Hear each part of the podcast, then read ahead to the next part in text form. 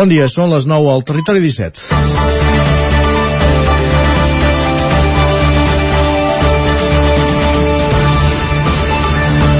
La contaminació atmosfèrica pot comportar efectes greus per la salut de les persones, com ara afeccions respiratòries o cardiovasculars. Per tant, hauria de ser una prioritat prendre mesures per evitar uns nivells elevats de contaminació en l'aire que respirem. La Unió Europea ha estirat en més d'una ocasió les orelles a l'estat espanyol per no haver pres mesures per reduir-la, sobretot a les àrees metropolitanes de Barcelona i Madrid. La comarca d'Osona, i especialment la plana de Vic per la seva configuració orogràfica, condicions climatològiques i socioeconòmiques, és un territori doblement sensible. Per aquest motiu caldria adoptar algun, en algun moment mesures més restrictives que en altres zones. A l'estiu, la plana es veu afectada per la contaminació d'ozó i a l'hivern, en períodes anticiclònics com el que hi ha des de principis d'any, es genera una inversió tèrmica que impedeix la dispersió dels contaminants. Això explica, en part, per què l'estació que mesura la, qualitat de l'aire a Manlleu hagi registrat que ja s'ha superat des del 1 de gener el topall màxim de dies que permet per tot l'any l'Organització Mundial de la Salut pel que fa a les partícules PM10. L'estació de Vic ha detectat també superacions puntuals, però no amb la mateixa intensitat i durada que la de Manlleu. Les PM10 són partícules que provenen de la combustió dels motors de la indústria, la pols en suspensió, les cremes agrícoles, els gasos de les granges o les emissions domèstiques, com les estufes de biomassa, sobretot si no es fa un control de què es crema. De moment, l'Ajuntament de Manlleu ha prohibit la crema de restes vegetals fins al 31 de març per tal de protegir la salut de la població. Des del consistori, que anuncien un estudi per saber l'origen concret de la presència de contaminants, també s'apunta la possibilitat que hi hagi famílies en situació de vulnerabilitat que a causa de la inflació dels preus de l'electricitat i el gasoil hagin hagut de tornar a la combustió d'abans.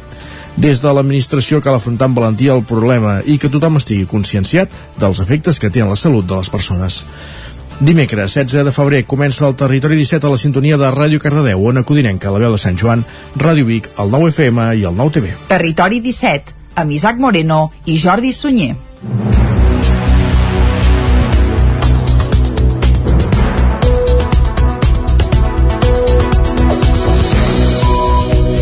Passen dos minuts i mig de les 9 del matí i de seguida el que farem és acostar-vos tota l'actualitat de les nostres comarques i això ho farem durant tota la primera hora del Territori 17 fins a les 10 del matí. A les 10, això sí, actualitzarem de nou el butlletí informatiu i tot seguit anirem cap a l'entrevista. Avui, Isaac, cap on anirem? Avui ens quedem a Vic, parlarem amb Titi Roca, regidor de Fires i Mercats de l'Ajuntament de Vic, sobre la Fira de l'Energia i la Construcció Sostenible que se celebra entre demà i dissabte al recinte Firal del Sucre. A partir de dos quarts d'onze deixarem la Fira de l'Energia i la Construcció Sostenible i parlarem de piulades, com sempre, amb en Guillem Sánchez, i traurem una mica de punta i segurament riurem una estona i tot, i segurament, a més a més, tindrem un recorrent per parlar de futbol, un partit que hi va haver ahir, amb un gol al darrer instant força ho, ho vam, interessant. Ho vam encertar tot, eh? Sí. En muntades va encertar el penal d'en Messi fallat. Correcte, més o més, sí, sí, sí. I seguidor va encertar el, el gol a l'últim minut i, i de l'Mbappé, tu. Va, d'això en parlarem a les piulades, vinga, farem una mica de piulada esportiva. Tot seguit passarem per la taula de redacció i després, avui, que és dimecres, què ens tocarà, Isaac? Lletra ferits, amb la Marta Simón des de la llibreria Muntanya de Llibres per parlar de Nature Writing, o sigui, literatura vinculada a la natura. Molt bé, està bé que ho hagis desgranat al darrere uh, després de lletra sí, ferits. Sí, perquè el meu anglès tampoc s'entén. a les 11 actualitzarem de nou el butlletí informatiu i després serà el torn d'escoltar en Jordi Givert. El territori sostenible des d'Ona Codinenca avui se'n va a una carbonera a Cànoves. L'escoltarem a partir d'un quart de dotze. A dos quarts de dotze, com cada dia, pujarem al tren a la R3 i avui que és dimecres acabarem fent un repàs a l'agenda cultural per aquest proper cap de setmana en connexió amb totes les emissores que cada dia fem possible aquest programa per conèixer l'agenda de cada territori, de cada comarca. I ara, fet una mica el repàs del que ens espera des d'ara mateix i fins a les 12 del migdia, el que fem és arrencar, i arrenquem com sempre, fent un repàs a l'actualitat de casa nostra, a l'actualitat de les comarques del Ripollès, Osona, el Moianès i el Vallès Oriental. La contaminació atmosfèrica s'ha disparat aquest principi d'any a Manlleu. Des que va començar el 2022 ja s'ha superat com a mínim 30 dies el límit que marca l'OMS per les partícules sòlides o líquides en suspensió. L'Ajuntament ha més un ban prohibint la crema de marges i restes agrícoles i ha demanat un estudi a la Diputació de Barcelona per aclarir l'origen de la contaminació. A principis del 2022, l'estació que analitza la qualitat de l'aire a Manlleu, ubicada entre el passeig del Puig i l'Hospital de Sant Jaume, ha estat la que ha registrat les xifres més dolentes de tot Catalunya.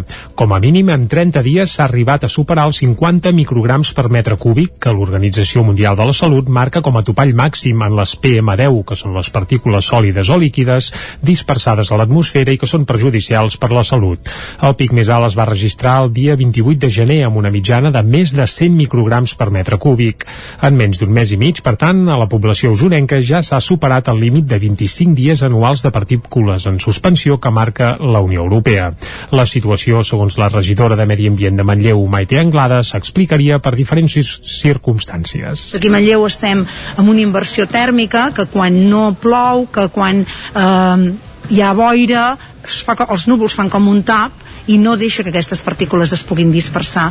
Després també, sobretot, el que és la crema de calefaccions, potser amb no masses bones condicions, últimament l'energia elèctrica s'ha encarit molt, el combustible de, derivat del gasoil també, i llavors segurament hi ha hagut pas a deixar aquestes calderes que serien segurament um, més sostenibles a altres tipus de crema que són més contaminants. Després d'una primera acció informativa al mes de desembre, l'Ajuntament ha emès un ban que prohibeix la crema de marges i restes agrícoles a tot el municipi fins al 31 de març. El consistori també ha demanat a la Diputació de Barcelona que faci un estudi per determinar quin és l'origen de la contaminació. Maite Anglada. És molt diferent si es genera més per indústria o per domèstics. Per tant, demanarem a la Diputació que ens faci un bon estudi per veure l'origen d'aquesta contaminació. I després també demanarem que s'hi instal·lin al municipi eh, diverses estacions de control de qualitat de l'aire mòbil perquè ens agradaria contrastar les dades amb les que ens donen l'estació que tenim ara, que és a sota l'Hospital Sant Jaume.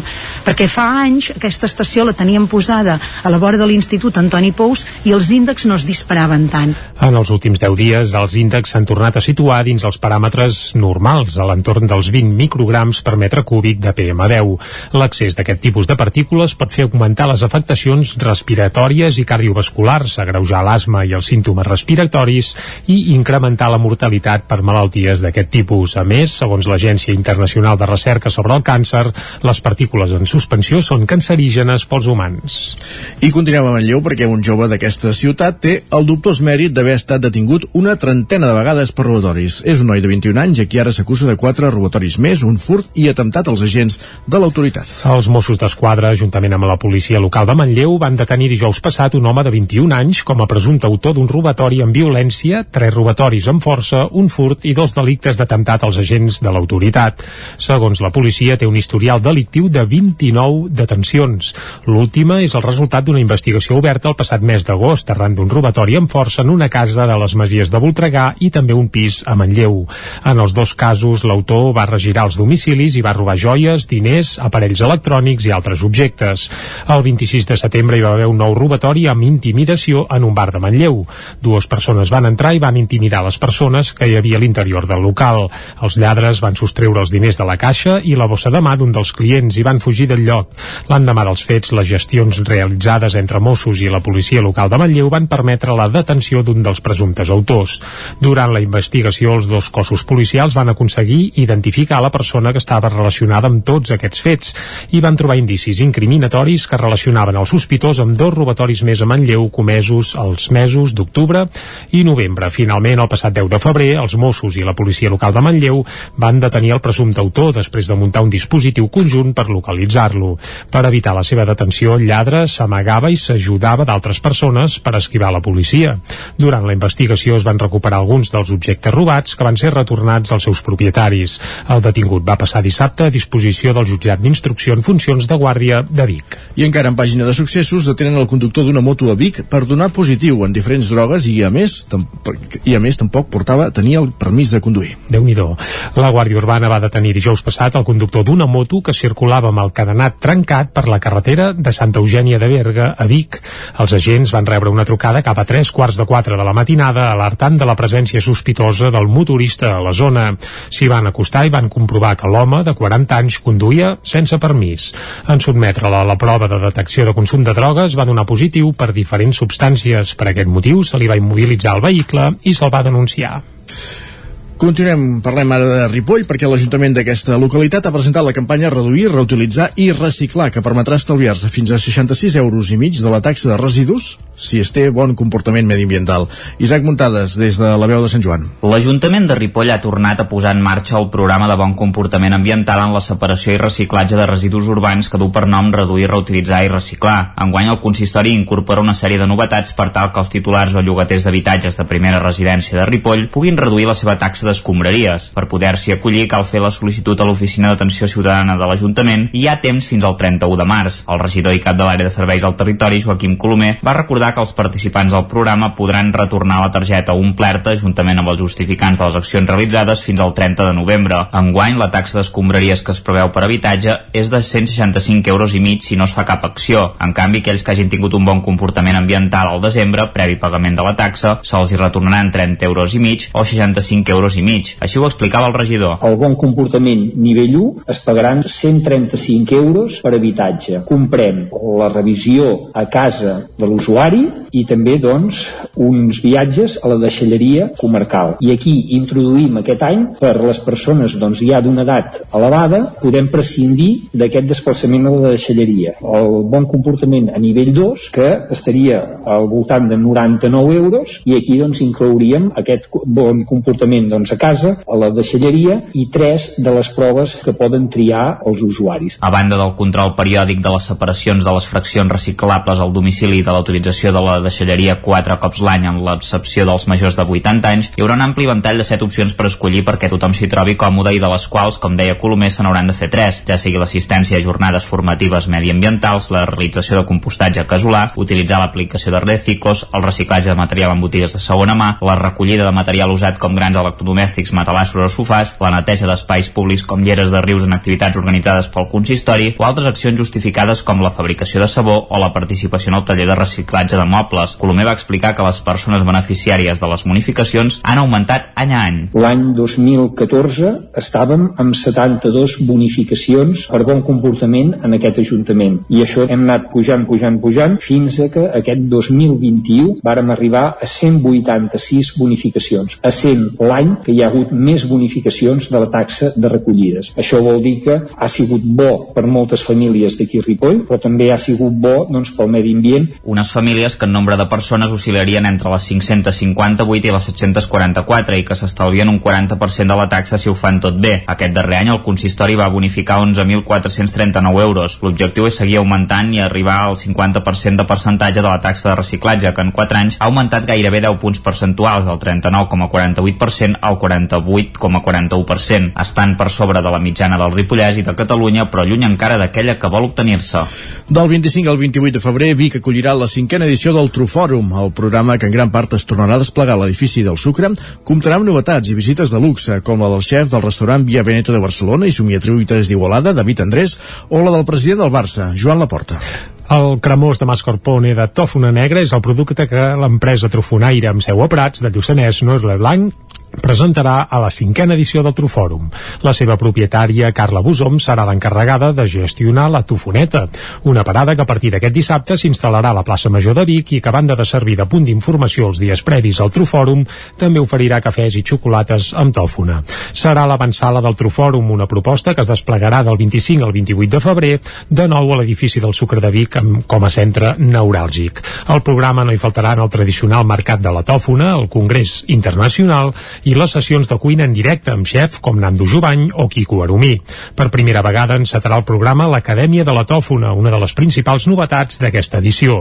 La jornada de formació que es farà al matí de divendres s'adreçarà a alumnes de totes les escoles d'hostaleria i turisme de Catalunya. Ho detalla Daniel Uliac, director del Trufòrum. L'Acadèmia de la Tòfona, en aquest cas, és, entrarem amb joves cuiners d'escoles d'hoteleria, és a dir, un procés de formació en xavals que s'estan formant, que estan a la, a, la, a la darrera fase de, de, de formació de les escoles d'hostaleria, en total, si no vaig equivocat, unes set escoles eh, que, que vindran, uns 200 alumnes, es farà taller de cuina antòfona, vale, amb el Quico Arumí, hi haurà experts també que coneixen molt bé el producte, que són, són productors però que, que la toquen molt bé.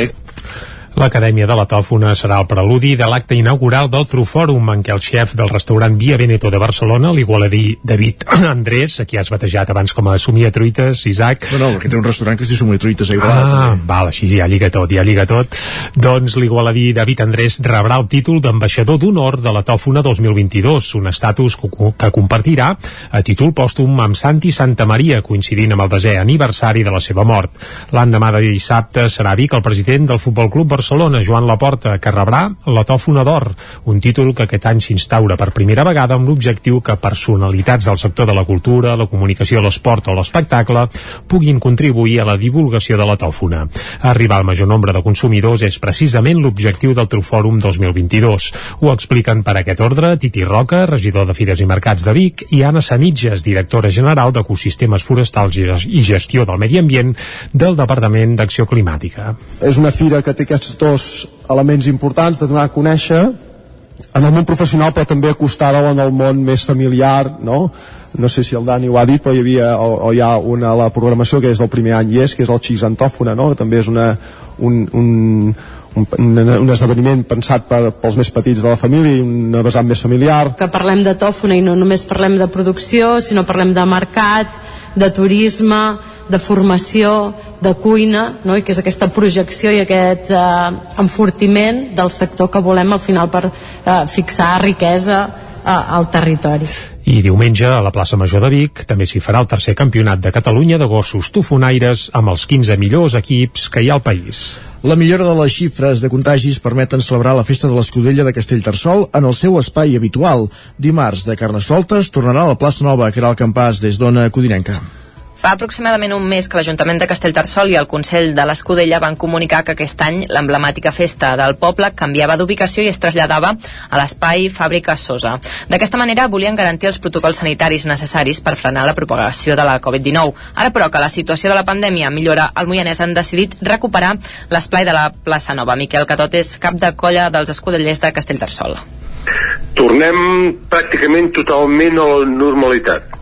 És a dir, la farem a la plaça Nova, com fèiem sempre, amb les, totes les calderes, que són 28 calderes més 4 de dop, segurament també hi haurà algun taller, eh, una mica de fira, i l'únic que s'està una mica a l'expectativa és el muntatge de taules que fèiem allà perquè la gent es quedés a dinar i l'esmorzar popular. Això està una mica en stand-by, encara. Sí que es modificarà respecte a la festa anterior a la pandèmia el descontrol que hi havia a l'hora de servir la preuada d'Escudella, que tot explicava que ja ho estaven plantejant abans de l'arribada de la pandèmia. Això estem, estem muntant, eh, això, segurament. Els files estaran com estaven sempre, hi haurà uns llocs marcats, uh, la cadena fora la gent que s'espavili, com aquell que diu, i de cadena endins, doncs, volem dirigir una mica a les persones, doncs que cada caldera es arribi una persona. La festa de l'Escudella de Castellterçol se celebra el dimarts de Carnaval, un dia molt esperat al poble i que és festiu a Castellterçol a banda de ser una tradició centenària. I aquest cap de setmana s'ha celebrat a Cardedeu el d'Estautors, en aquesta ocasió amb dos concerts, el primer pels més petits de casa, Mar Parrot, i el segon per celebrar els 25 anys de carrera musical de Roger Mas. Núria Lázaro, des de Ràdio Televisió, Cardedeu. Mar Parrot, amb Eva Armisen, van encetar el tastautors amb Tinc un paper, una peça que mostra com es crea una funció des de dins. És un espectacle multidisciplinar on s'hi combina pintura i música. Mar Parrot. Nosaltres vivim molt en la nostra vocació, no? I, i com en som conscients i ens considerem afortunats, doncs va ser una cosa que vam voler transmetre i, i precisament a través de, de les nostres passions, no? A les 9 del vespre era el torn de Roger Mas. L'artista va cantar les creacions del seu 11è àlbum, Totes les flors, després de portar 25 anys en actiu dins el món de la música. Roger Mas. Fa especial il·lusió de, de venir-ho a fer avui perquè eh, Cardedeu me'n recordo molt ja de les botifarrades poètiques fa molts anys i, i he anat venint i és un d'aquells llocs que, que tinc fixats al calendari. El cicle Tastautors seguirà aquest cap de setmana a Mariox i Galgo Lento i el 25 de febrer amb un concert de tres autores. Esports. I un apunt esportiu abans del temps perquè l'esquiador usonenc Quim Salaric cau en el primer tram de l'eslàlom gegant i queda eliminat en la seva participació als Jocs Olímpics d'hivern de Pequín. L'esquiador de malla participava aquesta matinada a l'eslàlom gegant dels Jocs Olímpics d'hivern. Ha sortit de la pista en els primers compassos del descens a la primera mànega i ha quedat automàticament eliminat sense opcions ja d'entrar a la segona ronda.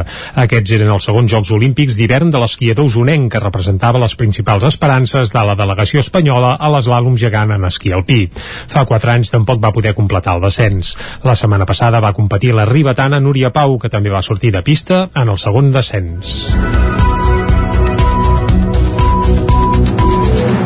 I ara sí, temps pel temps al territori 17. Casa Terradellos us ofereix el temps. Si és temps pel temps, vol dir que és temps per en Pep Acosta, aquí ja saludem. Bon dia, Pep. Hola, Pep. Molt bon dia. Ah, en Pep Acosta, que el tenim pendent del temps que fa. Uh, avui està tapadot, almenys ens hem llevat tapadots, però Hola, ara, ara, Pep. què tal? Bé, bé, bé. Amics que feu possible aquest programa. Anar fent, anar fent tots bé. Uh, què tal, amics oients? Espero que tot bé, que vagi molt bé. I tant. Uh, aquesta setmana del mes de febrer, que anem avançant mica en mica, i que mica en mica uh, es va accentuant aquesta sequera, i es va accentuant uh, aquesta dinàmica del temps d'aquest de 2022 uh, que bueno, que jo crec que hem encetat el 2021 i aquest 2022 no, no hi ha manera de canviar. Uh, avui han, baixat, han pujat per dues temperatures uh, mínimes força més altes només hi ha una petita glaçada a les parts eh, més altes de, del Pirineu, del nostre Pirineu, de les comarques, però glaçades eh, molt poc importants, eh, 0, menys 1, menys, menys 2 graus, per tant, eh, glaçades molt poc importants. Eh, a la resta de les comarques, eh, temperatures eh, positives a nit, clarament positives, eh, moltes inclús per sobre els 5 graus les mínimes, eh? eh per tant no ha fet gens de fred aquesta nit, poc fred, i això és degut a que tenim bastants núvols ara mateix, un front molt desgastat, eh, per dir alguna cosa, si és un front, no és quasi ni un front, un front molt desgastat, ens està acabant de creuar i està portant molta nuvolositat i això fa que les temperatures pugin una mica bueno, han pujat moderadament, eh? perquè ja dic, de alçades no n'hi ha ni una. Aquesta velocitat es mantindrà fins, més o menys fins al migdia. A partir del migdia, molt més de sol, els núvols tancaran i dominarà l'ambient assolellat i tranquil, i les màximes pujaran 1 o 2 graus. La majoria de màximes entre els 15 i els 18 graus, ambient molt agradable a migdia. Uh, una mica vent al Pirineu encara aquest matí, però mica en mica també anirà desapareixent i deixarà pas a un dia força tranquil, com deia, i molt agradable també a la zona del Pirineu. Uh, I per acabar, uh, només comentar una petita cosa, uh, que si aneu cap al nord d'Europa, uh, sobretot cap a Alemanya, uh, Països Baixos, uh, Bèlgica, al nord de França, uh, precaució perquè avui tenen un temporal de vent de primera categoria. Uh, per tant uh, precaució si aneu cap allà o, o teniu un familiar o un amic per allà precaució perquè com deia hi haurà una, un temporal de vent de primeríssima categoria uh, avui, avui dimecres. I això és tot, a disfrutar el dia d'avui, un dia amb un matí de núvols, de temperatures eh, més altes i un migdia de molt de sol i de eh, unes temperatures força agradables, eh, vents fluixos i en definitiva un dia força, força tranquil pel que fa el temps. Adeu. Vinga, que vagi bé, dia tranquil, Isaac. Doncs vinga. Meteorològicament parlant, evidentment. Doncs una de les coses que podem fer és anar al quiosc. Exacte, tranquil·lament. Casa. Tarradellas us ha ofert aquest espai. Ràpidament repassem les portades del dia, doncs, Jordi. Doncs va, repassem-les. Comencem pel punt avui, que titula En català, sisplau. I avancen que el centre de supercomputació és clau perquè la tecnologia uh, parli en català mm. i s'hi expressi, és a dir, sabem avui dia que hi ha molts aparells i molts invents, però el català pràcticament no és en lloc. Doncs bé, en aquest sentit, si tecnològicament fos fàcil qui fos, doncs sembla que podríem facilitar, facilitar les coses i s'està treballant en aquest sentit i ho expliquen avui al punt avui. També senyals de distensió a Ucraïna i també hi apareix Pedro Sánchez, que no fixa cap data per la taula de diàleg. Ves quina novetat. Anem cap a l'ara, va, titular principal. Putin fa un gest de desescalada que no convenç Occident. L'OTAN i els Estats Units reben amb escepticisme la retirada de tropes. També apareix el repunt dels preus, allarga el càstig al consumidor. Vam acabar l'any amb unes xifres d'IPC desbocades i de moment I el gener uh, continuem en la mateixa línia, per tant molt males notícies pels consumidors, per tots plegats en aquest sentit. Anem cap a l'avantguàrdia. Titular principal, Casado marca distàncies amb Vox per por d'un càstig electoral. La direcció del PP coincideix amb Mañueco a provar de governar en solitari i només Ayuso es mostra oberta a pactar amb l'extrema dreta. També ves quina novetat que sigui Ayuso l'única partidària d'anar de bracet amb Vox, cosa que a Madrid ja sabem per on van també. La fotografia per Rússia que comença a retirar-se però poc, apunten a la, a l'avantguàrdia. Aquest però poc és prou, eloquent. Uh, prou eloquent i tant. I també tràgic naufragi d'un pesquer gallec al Canadà. Uh, de moment sembla que només hi ha hagut tres supervivents, uh, supervivents i és complicat amb les condicions que, que hi ha del mar allí que n'apareixin gaire més. El periòdico Sánchez repta el PP a una ruptura total amb Vox, la difícil constitució del nou executiu de Castella i Lleó, subtitulen el periòdico. I també 8 de cada 10 nens superen el càncer. És un dels titulars en fotografia d'una informació que s'amplia a l'interior de les pàgines del periòdico on fan un reportatge sobre infants que pateixen aquesta malaltia. Ahir era el dia del càncer infantil. Ah, exacte. Anem cap a la premsa que s'ha dit des de Madrid. Comencem pel país. Rússia alleuja la tensió a l'allunyar part de les seves tropes d'Ucraïna. També el naufragi d'un pesquer causa 7 morts i 14 desapareguts, això a la portada del país. La Razón esmena total de Casado a Vox, que situa entre els populistes i radicals. Això de populistes i radicals, entre cometes. Només Mbappé va poder amb Courtois, això evidentment fa referència al partit d'ahir del Madrid. Uh, cap a l'ABC, un pesquer gallec naufraga a Canadà. Només ens queda resar aquest és el titular. També apareix que Putin retira tropes però augmenta les seves amenaces a la portada de l'ABC i acabem fent un cop d'ull al Mundo. Eh, Casado ataca a Bascal i tanca la porta a un govern amb Vox. Evidentment fan referència a Castella i Lleó i també tragèdia a Terra Nova. El mar engoleix una tripulació gallega. Arribats a aquest punt fem una pausa. Tornem d'aquí 3 minuts amb més qüestions al Territori 17. El nou FM, la ràdio de casa, al 92.8. Gràfixer, el seu proveïdor global en rotulació i impressió digital. Oferim servei de disseny, producció i instal·lació de qualsevol projecte en rotulació industrial i comercial. Rètols corporis, senyalització preventiva, senyalització viària, senyalització interior de naus, vinils decoratius per a oficines i establiments comercials, rotulació de vehicles... Confia en els serveis que li pot oferir Gràfixer. Ens trobarà al carrer Lleida 39 de Vic o a gràfixer.com. Cefusol, centre de formació de soldadura GURB. Som especialistes en processos de soldadura. Disposem d'instal·lacions totalment equipades per classes de teòrica i pràctica amb cabines individuals i equipaments de seguretat. Assessorem empreses i oferim cursos subvencionats i bonificats. Vine i t'informarem. Cefusol, som al carrer Sant Roc número 9 de GURB. Telèfon 664 206 192. També ens trobaràs a cefusol.com i a YouTube. Coberta serveis funeraris.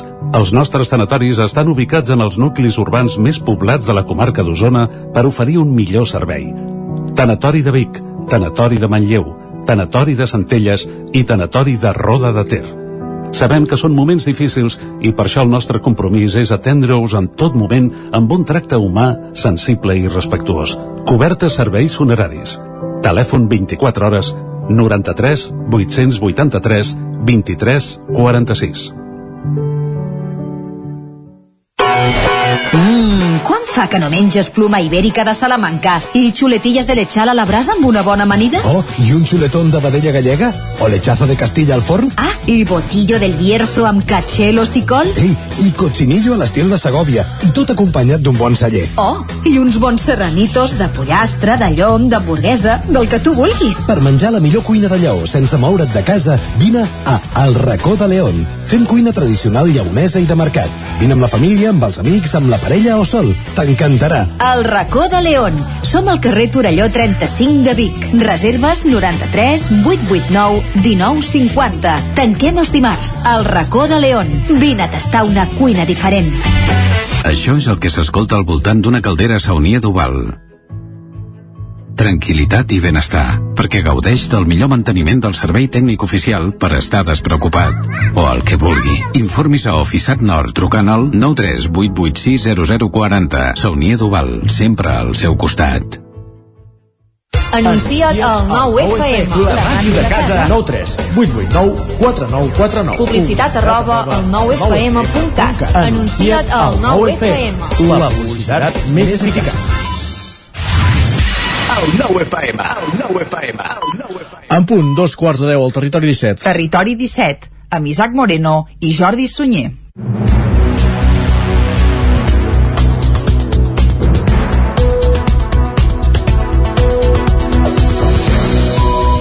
Doncs dos quarts de deu en punt d'avui dimecres dia 16 de febrer de 2022 i el que farem de seguida és acostar-vos de nou tota l'actualitat de les nostres comarques. Abans però ja us avancem tot el menú que tindrem fins al punt de les 12 del migdia. Abans de les 10 hi posarem música.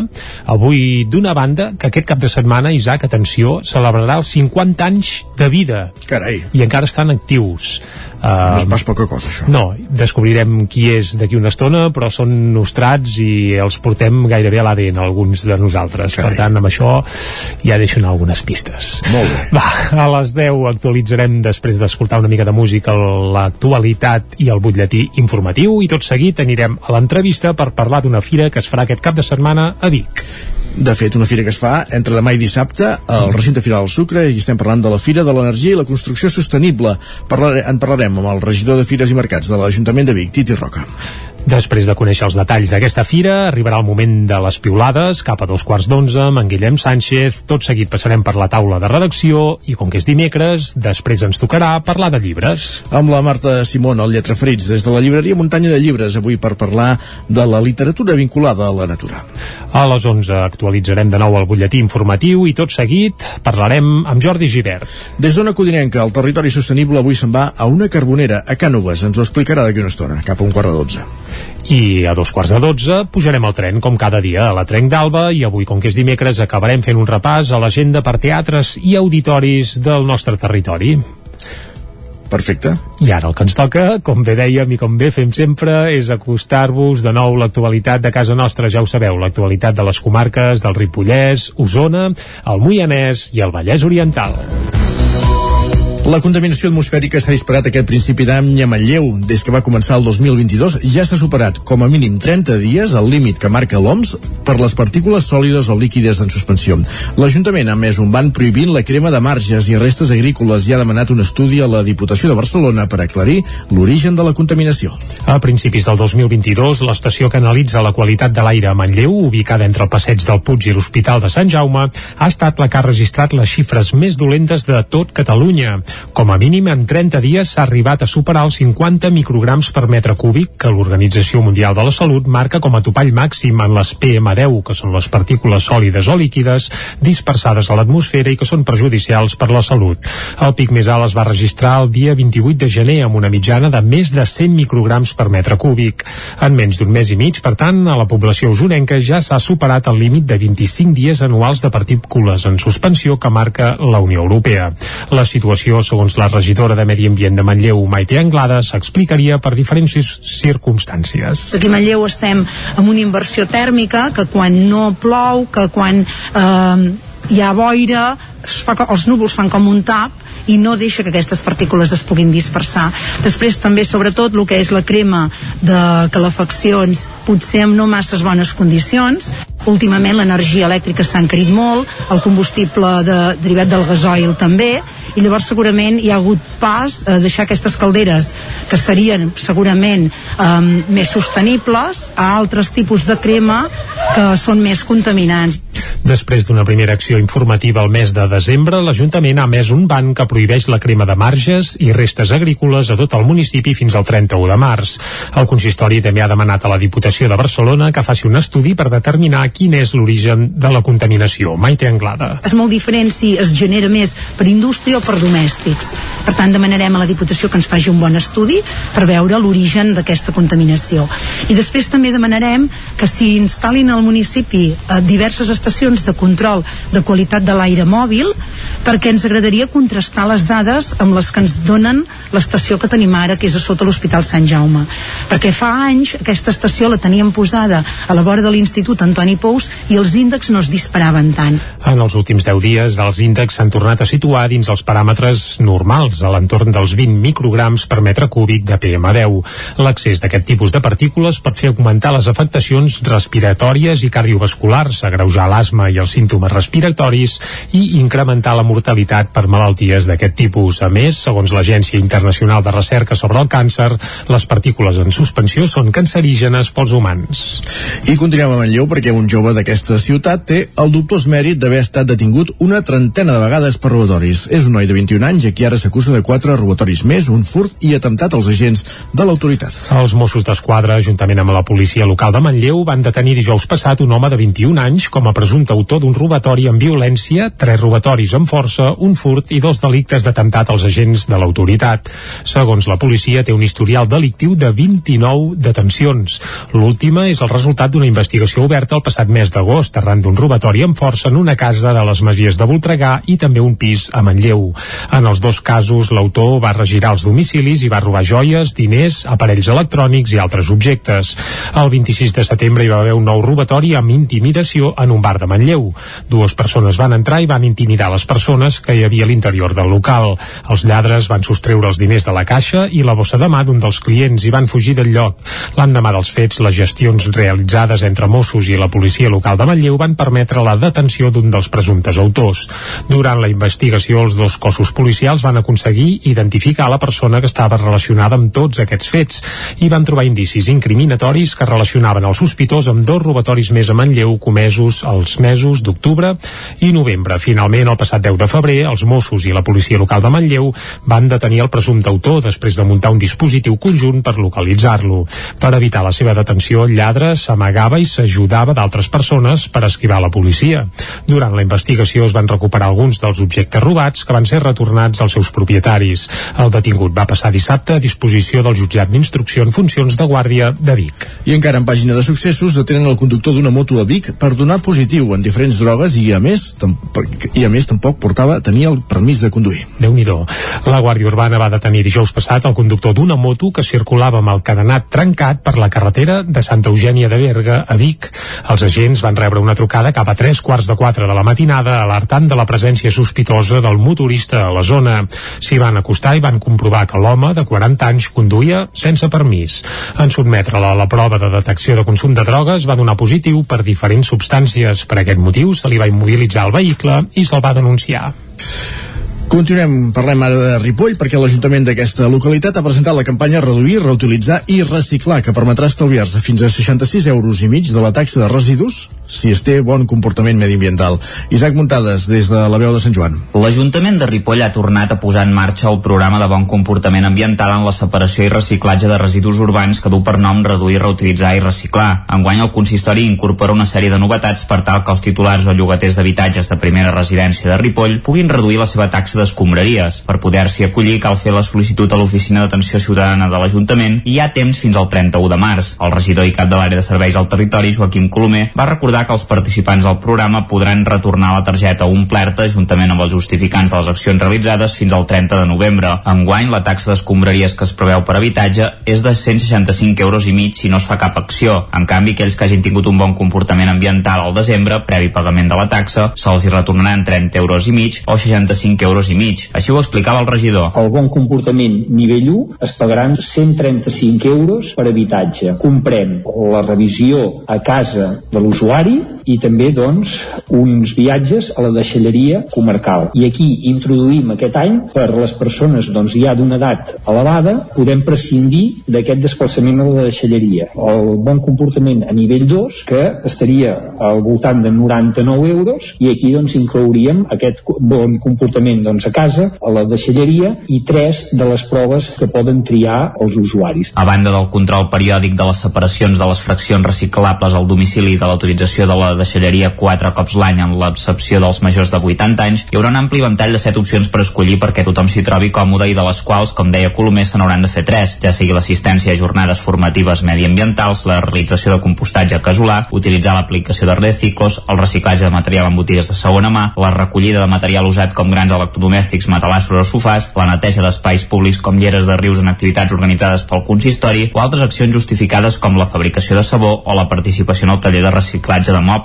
Colomer va explicar que les persones beneficiàries de les bonificacions han augmentat any a any. L'any 2014 estàvem amb 72 bonificacions per bon comportament en aquest Ajuntament i això hem anat pujant, pujant, pujant fins a que aquest 2021 vàrem arribar a 186 bonificacions, a 100 l'any que hi ha hagut més bonificacions de la taxa de recollides. Això vol dir que ha sigut bo per moltes famílies d'aquí Ripoll, però també ha sigut bo doncs, pel medi ambient. Unes famílies que en nombre de persones oscil·larien entre les 558 i les 744 i que s'estalvien un 40% de la taxa si ho fan tot bé. Aquest darrer any el consistori va bonificar 11.439 euros. L'objectiu és seguir augmentant i arribar al 50% de percentatge de la taxa de reciclatge, que en 4 anys ha augmentat gairebé 10 punts percentuals, del 39,48% al 48,41%, estant per sobre de la mitjana del Ripollès i de Catalunya, però lluny encara d'aquella que vol obtenir-se.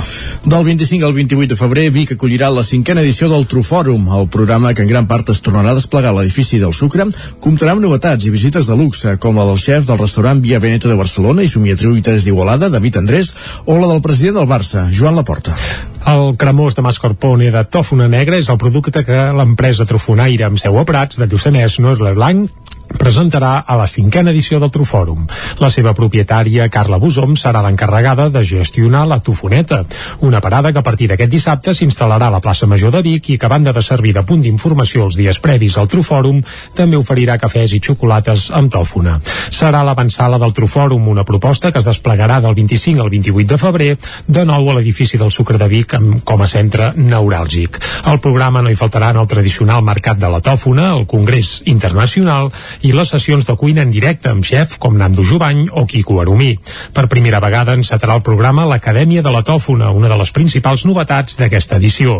La jornada de formació que es farà al matí de divendres s'adreçarà a alumnes de totes les escoles d'hostaleria i turisme de Catalunya. Ho detalla Daniel Uliac, director del Trufòrum. L'Acadèmia de la Tòfona, en aquest cas, és, entrarem amb joves cuiners d'escoles d'hoteleria, és a dir, un procés de formació en xavals que s'estan formant, que estan a la, a, la, a la darrera fase de, de, de formació de les escoles d'hostaleria, en total, si no vaig equivocat, unes set escoles eh, que, que vindran, uns 200 alumnes, es farà taller de cuina antòfona, vale, amb el Quico Arumí, hi haurà experts també que coneixen molt bé el producte, que són, són productors però que, que la toquen molt bé.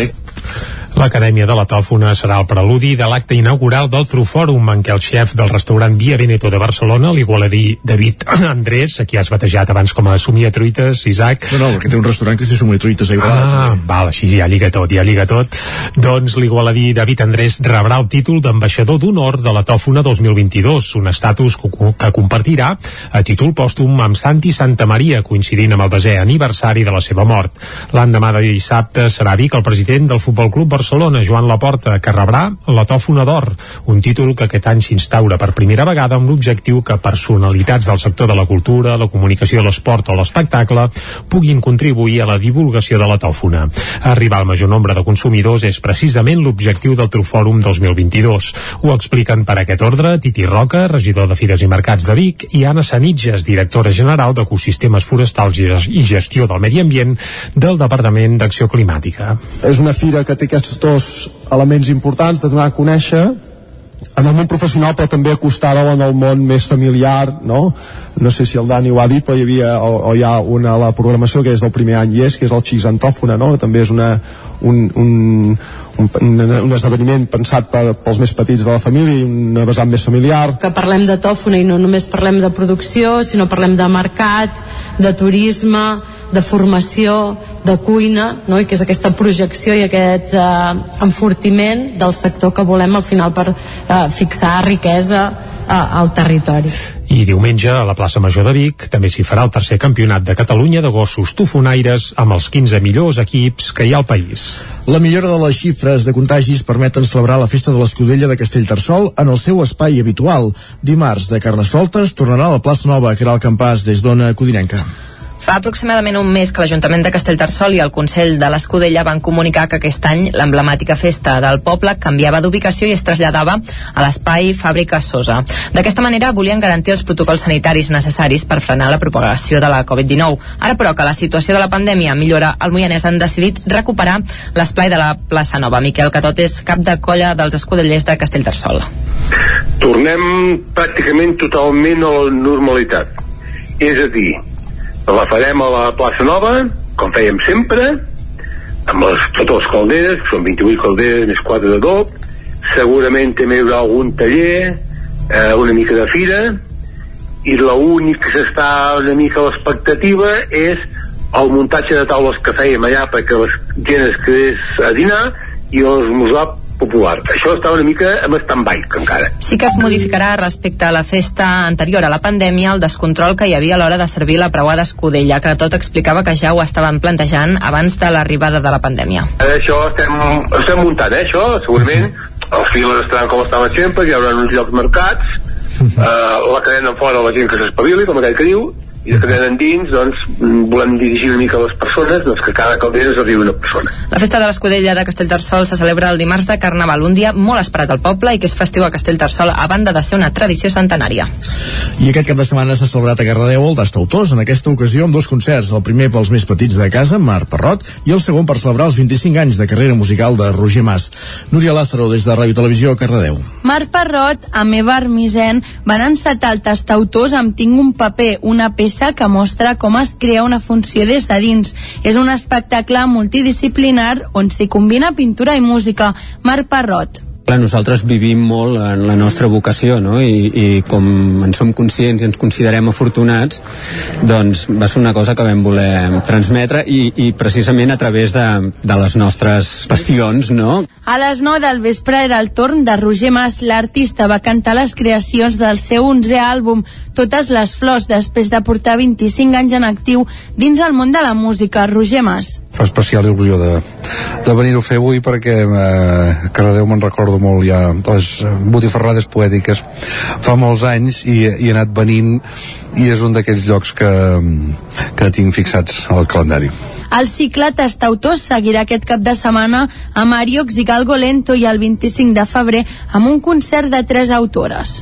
Esports. I un apunt esportiu abans del temps perquè l'esquiador usonenc Quim Salaric cau en el primer tram de l'eslàlom gegant i queda eliminat en la seva participació als Jocs Olímpics d'hivern de Pequín. L'esquiador de malla participava aquesta matinada a l'eslàlom gegant dels Jocs Olímpics d'hivern.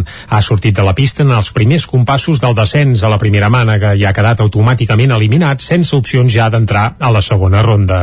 Aquests eren els segons Jocs Olímpics d'hivern de l'esquiador usonenc que representava les principals esperances de la delegació espanyola a l'eslàlom gegant en esquí alpí. Fa quatre anys tampoc va poder completar el descens. La setmana passada va competir la ribetana Núria Pau, que també va sortir de pista en el segon descens.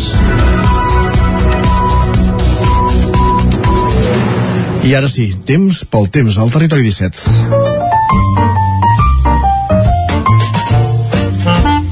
Casa Terradellos us ofereix el temps. Si és temps pel temps, vol dir que és temps per en Pep Acosta, aquí ja saludem. Bon dia, Pep. Hola, Pep. Molt bon dia. A l'en Pep Acosta, que el tenim pendent del temps que fa. Uh, avui està tapadot, almenys ens hem llevat tapadots, però Hola. ara, ara, Pep. Què tal? Bé, bé, bé. Amics que feu possible aquest programa. Anar fent, anar fent tots bé. Uh, què tal, amics oients? Espero que tot bé, que vagi molt bé. I tant. Uh, aquesta setmana del mes de febrer, que anem avançant mica en mica i que mica en mica eh, es va accentuant aquesta sequera i es va accentuant eh, aquesta dinàmica del temps d'aquest de 2022 eh, que bueno, que jo crec que hem encetat el 2021 i aquest 2022 no, no hi ha manera de canviar. Eh, avui han, baixat, han pujat per dues temperatures eh, mínimes força més altes només hi ha una petita glaçada a les parts eh, més altes de, del Pirineu, del nostre Pirineu, de les comarques, però glaçades eh, molt poc importants, eh, 0, menys 1, menys, 1, menys 2 graus, per tant eh, glaçades molt poc importants. Eh, a la resta de les nostres comarques eh, temperatures eh, positives a nit, clarament positives eh, moltes inclús per sobre els 5 graus les mínimes eh? eh per tant no ha fet gens de fred aquesta nit poc fred. I això és degut a que tenim bastants núvols ara mateix. Un front molt desgastat eh, per dir una cosa si és un front no és que sigui un front un front molt desgastat ens està acabant de creuar i està portant molta nubositat i això fa que les temperatures pugin una mica bueno, han pujat moderadament, eh? perquè ja et dic, de alçades no n'hi ha ni una. Aquesta velocitat es mantindrà fins, més o menys fins al migdia. A partir del migdia, molt més de sol, els núvols tancaran i dominarà l'ambient assolellat i tranquil, i les màximes pujaran 1 o 2 graus. La majoria de màximes entre els 15 i els 18 graus, ambient molt agradable a migdia. Uh, una mica vent al Pirineu encara aquest matí, però mica en mica també anirà desapareixent i deixarà pas a un dia força tranquil, com deia, i molt agradable també a la zona del Pirineu. Uh, I per acabar, uh, només comentar una petita cosa, uh, que si aneu cap al nord d'Europa, uh, sobretot cap a Alemanya, uh, Països Baixos, uh, Bèlgica, nord de França, uh, precaució perquè avui tindrà un temporal de vent de primera categoria. Uh, per tant uh, precaució si aneu cap allà o, o teniu un familiar o un amic per allà precaució perquè com deia hi haurà una, un temporal vent de primeríssima categoria uh, avui, avui dimecres.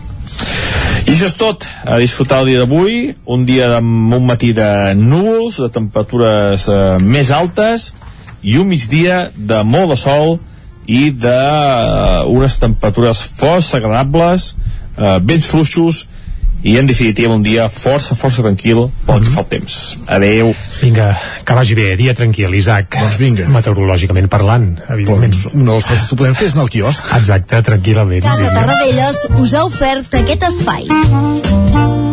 Ràpidament repassem les portades del dia, doncs, Jordi. Doncs va, repassem-les. Comencem pel punt avui, que titula En català, plau. I avancen que el centre de supercomputació és clau perquè la tecnologia eh, parli en català mm. i s'hi expressi. És a dir, sabem avui dia que hi ha molts aparells i molts invents, però el català pràcticament no és en lloc. Doncs bé, en aquest sentit, si tecnològicament fos fàcil qui fos, doncs sembla que podríem facilitar, facilitar les coses i s'està treballant en aquest sentit i ho expliquen avui al punt avui també senyals de distensió a Ucraïna i també hi apareix Pedro Sánchez, que no fixa cap data per la taula de diàleg. Ves quina novetat. Anem cap a l'ara, va, titular principal. Putin fa un gest de desescalada que no convenç Occident. L'OTAN i els Estats Units reben amb escepticisme la retirada de tropes. També apareix el repunt dels preus, allarga el càstig al consumidor. Vam acabar l'any amb unes xifres d'IPC desbocades i de moment I el gener uh, continuem en la mateixa línia, per tant, molt males notícies pels consumidors, per tots plegats, en aquest sentit. Anem cap a l'avantguàrdia. Titular principal, Casado marca distàncies amb Vox per por d'un càstig electoral. La direcció del PP coincideix amb Mañueco a provar de governar en solitari i només Ayuso es mostra oberta a pactar amb l'extrema dreta. També ves quina novetat que sigui Ayuso l'única partidària d'anar de bracet amb Vox, cosa que a Madrid ja sabem per on van també. La fotografia per Rússia que comença a retirar recuperar-se, però poc, apunten a la, a la Vanguardia. Aquest però poc és prou, uh, prou eloquent, i tant. I també tràgic naufragi d'un pesquer gallec al Canadà. Uh, de moment sembla que només hi ha hagut tres uh, supervivents i és complicat amb les condicions que, que hi ha del mar allí que n'apareixin gaire més. El periòdico Sánchez repta el PP a una ruptura total amb Vox, la difícil constitució del nou executiu de Castella i Lleó, subtitulen el periòdico. I també 8 de cada 10 nens superen el càncer. És un dels titulars en fotografia d'una informació que s'amplia a l'interior de les pàgines del periòdico on fan un reportatge sobre infants que pateixen aquesta malaltia. Ahir era el dia del càncer infantil. Ah, exacte. Anem cap a la premsa que s'edita des de Madrid. Comencem pel país. Rússia alleuja la tensió a l'allunyar part de les seves tropes d'Ucraïna. També el naufragi d'un pesquer causa 7 morts i 14 desapareguts, això a la portada del país. La Razón esmena total de Casado a Vox que situa entre els populistes i radicals. Això de populistes i radicals entre cometes. Només en paper va poder amb Courtois, això evidentment fa referència al partit d'ahir del Madrid. Uh, cap a l'ABC, un pesquer gallec naufraga a Canadà. Només ens queda resar. Aquest és el titular. També apareix que Putin retira tropes però augmenta les seves amenaces a la portada de l'ABC i acabem fent un cop d'ull al Mundo. Uh, Casado ataca a Bascal i tanca la porta a un govern amb Vox. Evidentment fan referència a Castella i Lleó i també tragèdia a Terra Nova. El mar engoleix una tripulació gallega. Doncs déu nhi amb aquest pesquer eh, gallec en terres canadenques. Eh, Sí, tota una tragèdia i bé, evidentment sentia també la temperatura de l'aigua en aquell indret i és evident que aguantar-hi gaires minuts allí és pràcticament del tot impossible per tant és molt difícil que apareguin uh, nous supervivents d'aquesta tragèdia però bé, uh, deixem el Canadà i Terra Nova i ens acostem cap als països catalans perquè com bé hem dit abans hi ha un grup que aquest cap de setmana celebrarà el 50è aniversari Sorprèn-nos, de qui parlem, va? va, de la companyia elèctrica ah. d'Arma. Sí, aquest uh, cap de setmana celebraran 50 anys i ho faran en un acte que es podrà seguir en directe per la Xala, la plataforma de la, La xarxa. xarxa, a partir de les 12 del migdia, diumenge, en directe, i després per totes les televisions de la xarxa, entre elles el Nou TV, al vespre, a tres quarts d'onze de la nit, es podrà seguir en diferit aquest acte, que serà el tret d'inici de l'any d'Arma, perquè durant tot aquest any 2022, diguem que s'ha batejat una mica com l'any d'Arma, i és que la companyia elèctrica d'Arma compleix mig segle de vida. Això, parlant d'un grup de música moderna, és que és gairebé un... és un miracle. Rolling. Rolling Stones. Exacte, és que són els nostres Rolling Stones, això sí cal dir que pel camí doncs, dos dels germans que a més a més van ser fundadors de, de la mítica banda doncs ja no hi són uh -huh. uh, el Josep Fortuny ens va deixar fa uns anys era el bateria, el lletrista l'ànima i bé, va tenir un un atac de, de cor i ens va deixar i l'Esteve Fortuny ja havia mort als anys 80 després recordem-ho d'un concert a Cardedeu a més a més. Uh, també va ser una cosa molt sobtada però clar, en el cas de l'Esteve sí que ja fa molt de temps i la companyia elèctrica d'Arma tot i això doncs ha continuat al peu del canó i fins i tot enregistrant nous discos i fent concerts evidentment amb la banda rejuvenida per l'aparició d'alguns altres membres de la Nissaga Fortuny la Maria es va incorporar a la banda ja a finals dels 80 com a teclista, el Lluís com a trompetista i altres vents, i el Joan Fortuny, que segueix al peu del canó com a membre original de la banda i que encara, bé, encara salta i balla com si tingués 30 anys i en té uns quants més, eh? És el que to- toca el saxo tenor i és, és una mica el segell identificatiu de la Dharma. I per celebrar això, que la Dharma fa 50 anys, avui hem volgut rescatar una de les seves darreres peces, la peça que ja estem escoltant de fons és Flamarada, i és una de les que apareix en el seu darrer disc, que també es titula Frama, Flamarada. És un disc que van editar el 2019, amb alguna cançó amb lletra, no és el cas de Flamarada, on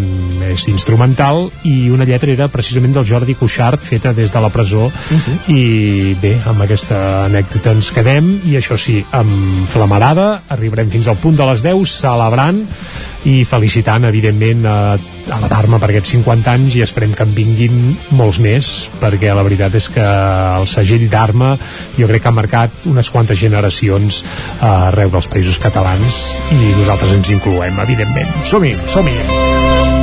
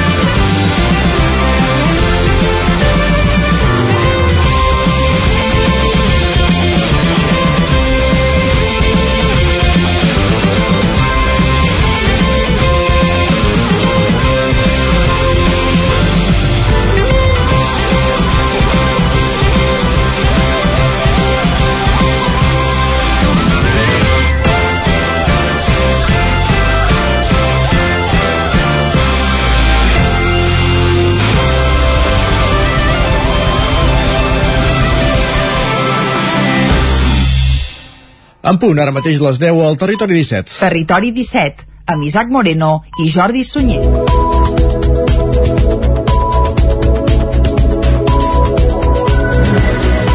Moment a aquesta hora al Territori 17 per actualitzar-nos, per posar-nos al dia amb les notícies més destacades a les nostres comarques i ho fem com cada dia en connexió amb les diferents emissores que cada dia fan possible aquest programa.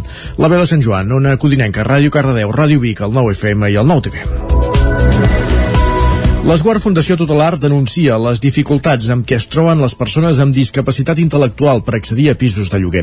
Una de les seves usuàries, la biguetana Cèlia Lozano, amb autonomia per fer sola el procés de recerca, s'ha trobat amb dues negatives, amb dues negatives pel fet de tenir diversitat funcional. Cèlia Lozano ha viscut fins ara amb els seus germans del domicili familiar. Els últims mesos, però, ha volgut independitzar-se i va començar la recerca d'un pis de lloguer. Té 39 anys, treballa en l'àmbit de la neteja al TAC Osona i és usuària de l'Esguard Fundació Tutelar. En la recerca d'un lloc on viure es va trobar amb dues situacions de discriminació pel fet de tenir diversitat funcional. L'escoltem. Va haver un que el vam trucar i ens van dir no, no, ho sentim molt però vosaltres no us podem llogar perquè com que m'esteu dient que teniu dues pagues i directament ja no us ho puc donar perquè esclar, m'esteu dient on treballeu i com que no i com que ets discapacitada no et podem llogar el pis.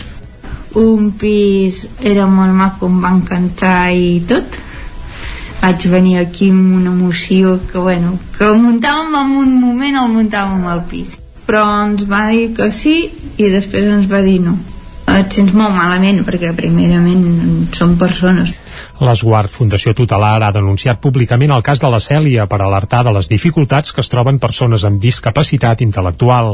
Asseguren que la por, la desinformació i l'herència d'un fort paternalisme a l'hora de tractar la diversitat funcional generen situacions de discriminació en l'àmbit immobiliari o en els bancs, per exemple.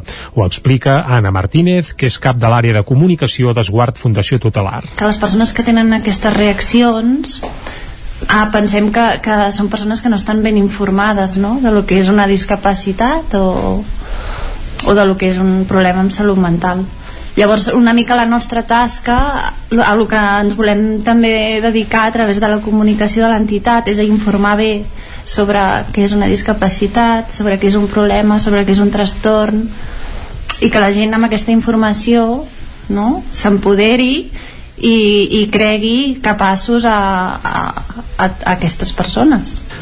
La Cèlia ha trobat finalment un pis per llogar a Vic. Tot i tenir l'autonomia per seguir el procés tota sola, des de l'Esguard Fundació Tutelar la van haver d'acompanyar presencialment en la gestió per evitar una nova negativa.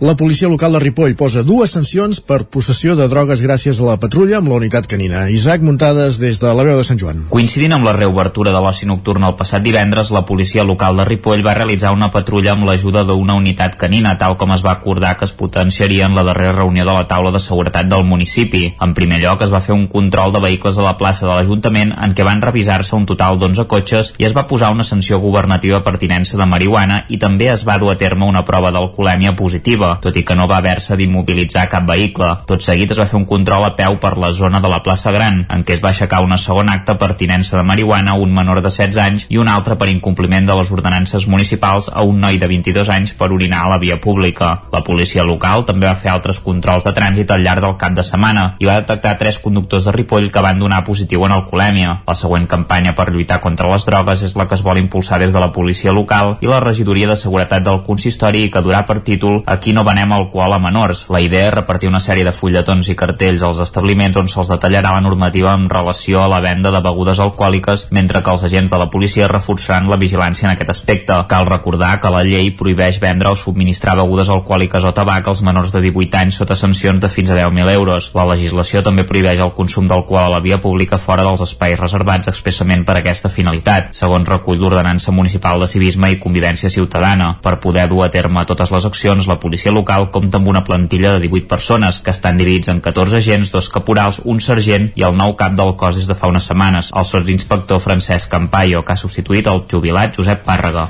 L'alcalde de Prats de Lluçanès, Jordi Bruc, continua defensant la gran oportunitat que ha suposat per al poble poder comprar Cal Andreuet. L'Ajuntament té previst dinamitzar l'espai amb l'activitat cultural o de promoció econòmica per portar-hi, per exemple, les fires de Sant Jaume o Santa Llúcia.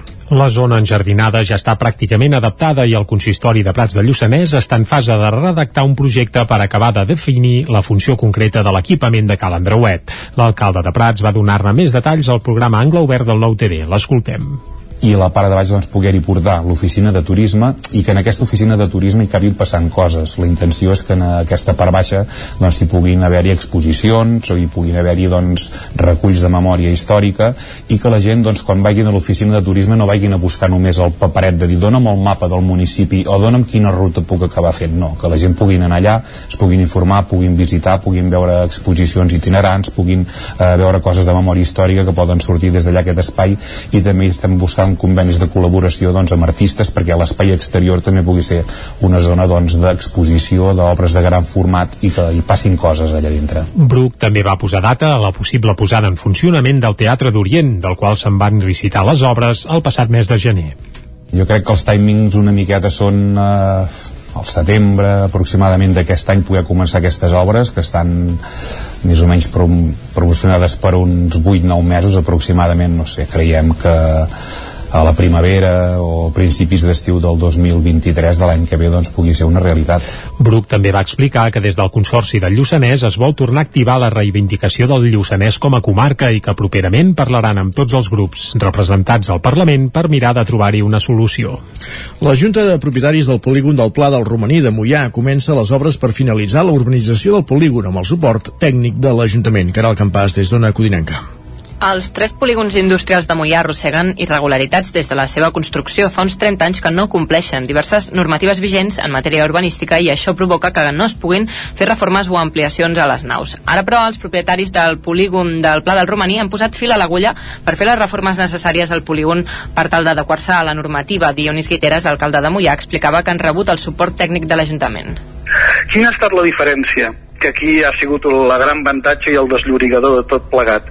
Doncs que en comptes de ser l'Ajuntament qui impulsi i, i faci, liciti les obres, faci el projecte, um, han estat els propietaris que és una manera també de fer-ho.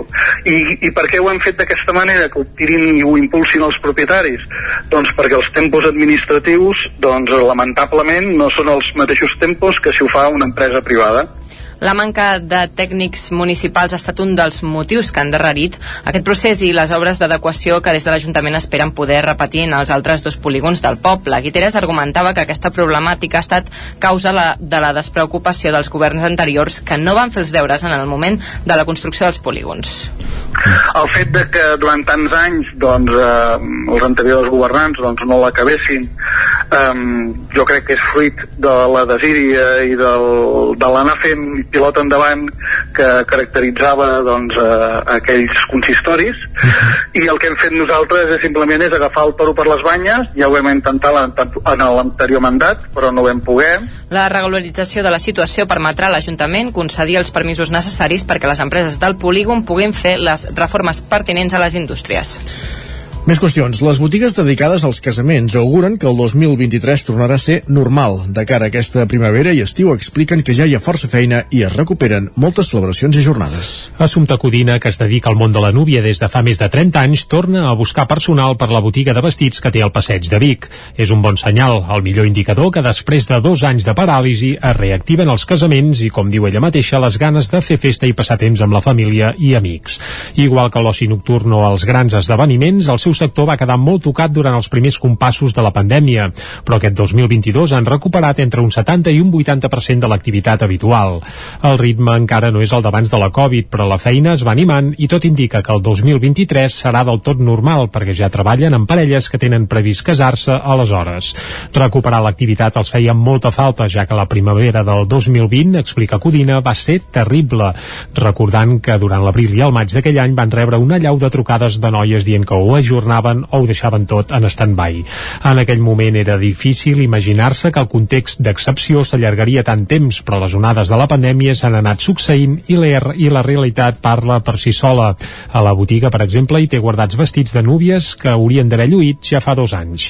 Si van sobreviure aleshores va ser gràcies als casaments en petit comitè i en el cas particular d'Assumpte Núvies en el fet que l'esclat de la Covid va coincidir també amb la jubilació de dues dependentes.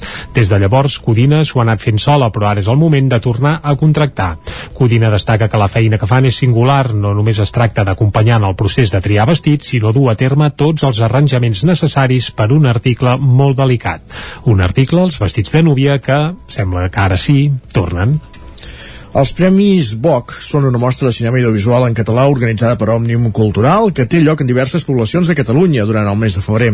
L'Esbarjo de Cardedeu és un dels indrets on s'han pogut visualitzar els curs seleccionats. Núria Lázaro, des de Ràdio Televisió, Cardedeu. Estimular la producció de continguts audiovisuals de qualitat en llengua catalana, contribuir a la seva difusió i ampliar-ne al públic. Aquesta és la raó de ser del BOC, uns premis audiovisuals dels que aquest passat dissabte se n'ha fet una mostra al cinema Esbarjo de Cardedeu. En dues sessions s'han mostrat els curs nominats, que s'engloben en tres categories, curtmetratge de ficció, sala oberta i curtmetratge documental. En aquesta tercera categoria hi trobem una cardedeuenca, la Maria Besora, amb el seu curtmetratge Animal salvatge, centrat en la vida de la Janira, una nena filla de pastors. Maria Besora. D'alguna manera la, la nena també escull ser protagonista perquè jo faig una mica una mica de càsting de fills de pastors no? quan sé que, que vull anar cap a aquest univers i explicar una història per aquí i he de dir que haver sigut monitora de l'esplai de Cardedeu va ajudar molt uh, perquè al final uh, dirigir una nena té molt a veure amb jugar tota l'estona i, i és un joc, no? I és una relació que es construeix, hi ha moltes coses que no funcionen i que no surten a la pantalla, només veiem el que ha funcionat i, i en, anar, anar aprenent l'una de l'altra. Jo també no sabia moltes coses que ella, que ella em va ensenyar. Animal salvatge va sorgir com a treball de final de grau de Maria Besora i l'estiu passat ja va estar premiat com a millor curtmetratge documental en el Cerdanya Film Fest. A més, també està nominat a millor curtmetratge de la 14a edició dels Premis Gaudí Maria Besora. No ens esperàvem gens, la veritat. Um, vam veure alguns dels, dels nominats, ai, dels candidats que hi havia aquest any de, de curtmetratges i hi havia molt de nivell, així que va ser com uh, una gran sorpresa i ja només anar això, a la nominació i a la, a la gala que es farà i tot, doncs... Mm.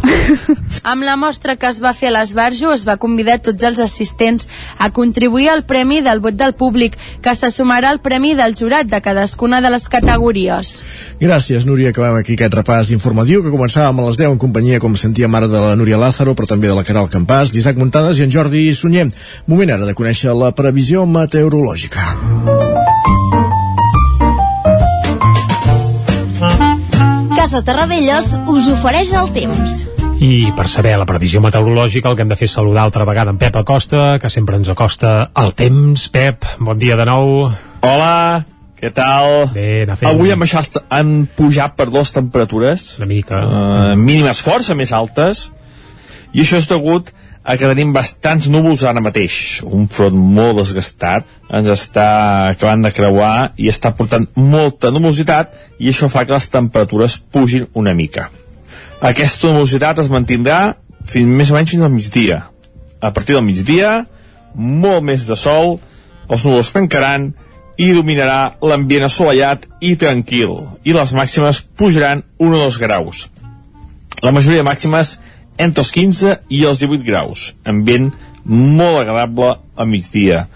Uh, una mica vent al Pirineu encara aquest matí, però mica en mica també anirà desapareixent i deixarà pas a un dia força tranquil, com deia, i molt agradable també a la zona del Pirineu. Uh, I per acabar, uh, només comentar una petita cosa, uh, que si aneu cap al nord d'Europa, uh, uh, sobretot cap no a anirem, avui. Uh, Països Baixos, uh -huh. uh, Bèlgica, el nord de França, uh, precaució perquè avui tenen un temporal de vent de primera categoria. Uh, per tant, uh, precaució si aneu cap allà o, o teniu un familiar o un amic per allà, precaució perquè com deia hi haurà una, un temporal de vent de primeríssima categoria avui, avui dimecres. I això és tot. A disfrutar el dia d'avui, un dia amb un matí de núvols, de temperatures eh, més altes i un migdia de molt de sol i de uh, unes temperatures força agradables, eh, vents fluixos i en definitiva un dia força, força tranquil pel que fa al temps. Moltes gràcies, fins demà. Doncs Adéu. Vinga, Isaac, has d'anar cap al nord d'Europa avui? Avui no. No? Demà No. tampoc, eh? Demà em sembla que tampoc, ara tenim, feina, tenim feina per aquí, eh? Ah, sí, cas exacte. que- Demà em sembla que aquesta hora serem una fira, ara que ho dius. Va, en Doncs cas vinga. que hi hagi de fer cap, algú dels que ens està escoltant, ja ho sabeu, en Pep Acosta ens, acu ens aconsella prudència i moderació. Vinga, tanquem aquí el bloc meteorològic i anirem ara cap, Cap a a l'entrevista. Casa Tarradellas us ha ofert aquest espai. Territori 17. Envia'ns les teves notes de veu per WhatsApp al 646 079 023. 646 079 023. WhatsApp Territori 17.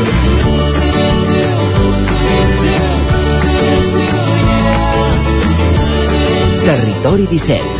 Som a Facebook, Twitter i Instagram amb l'usuari Territori 17.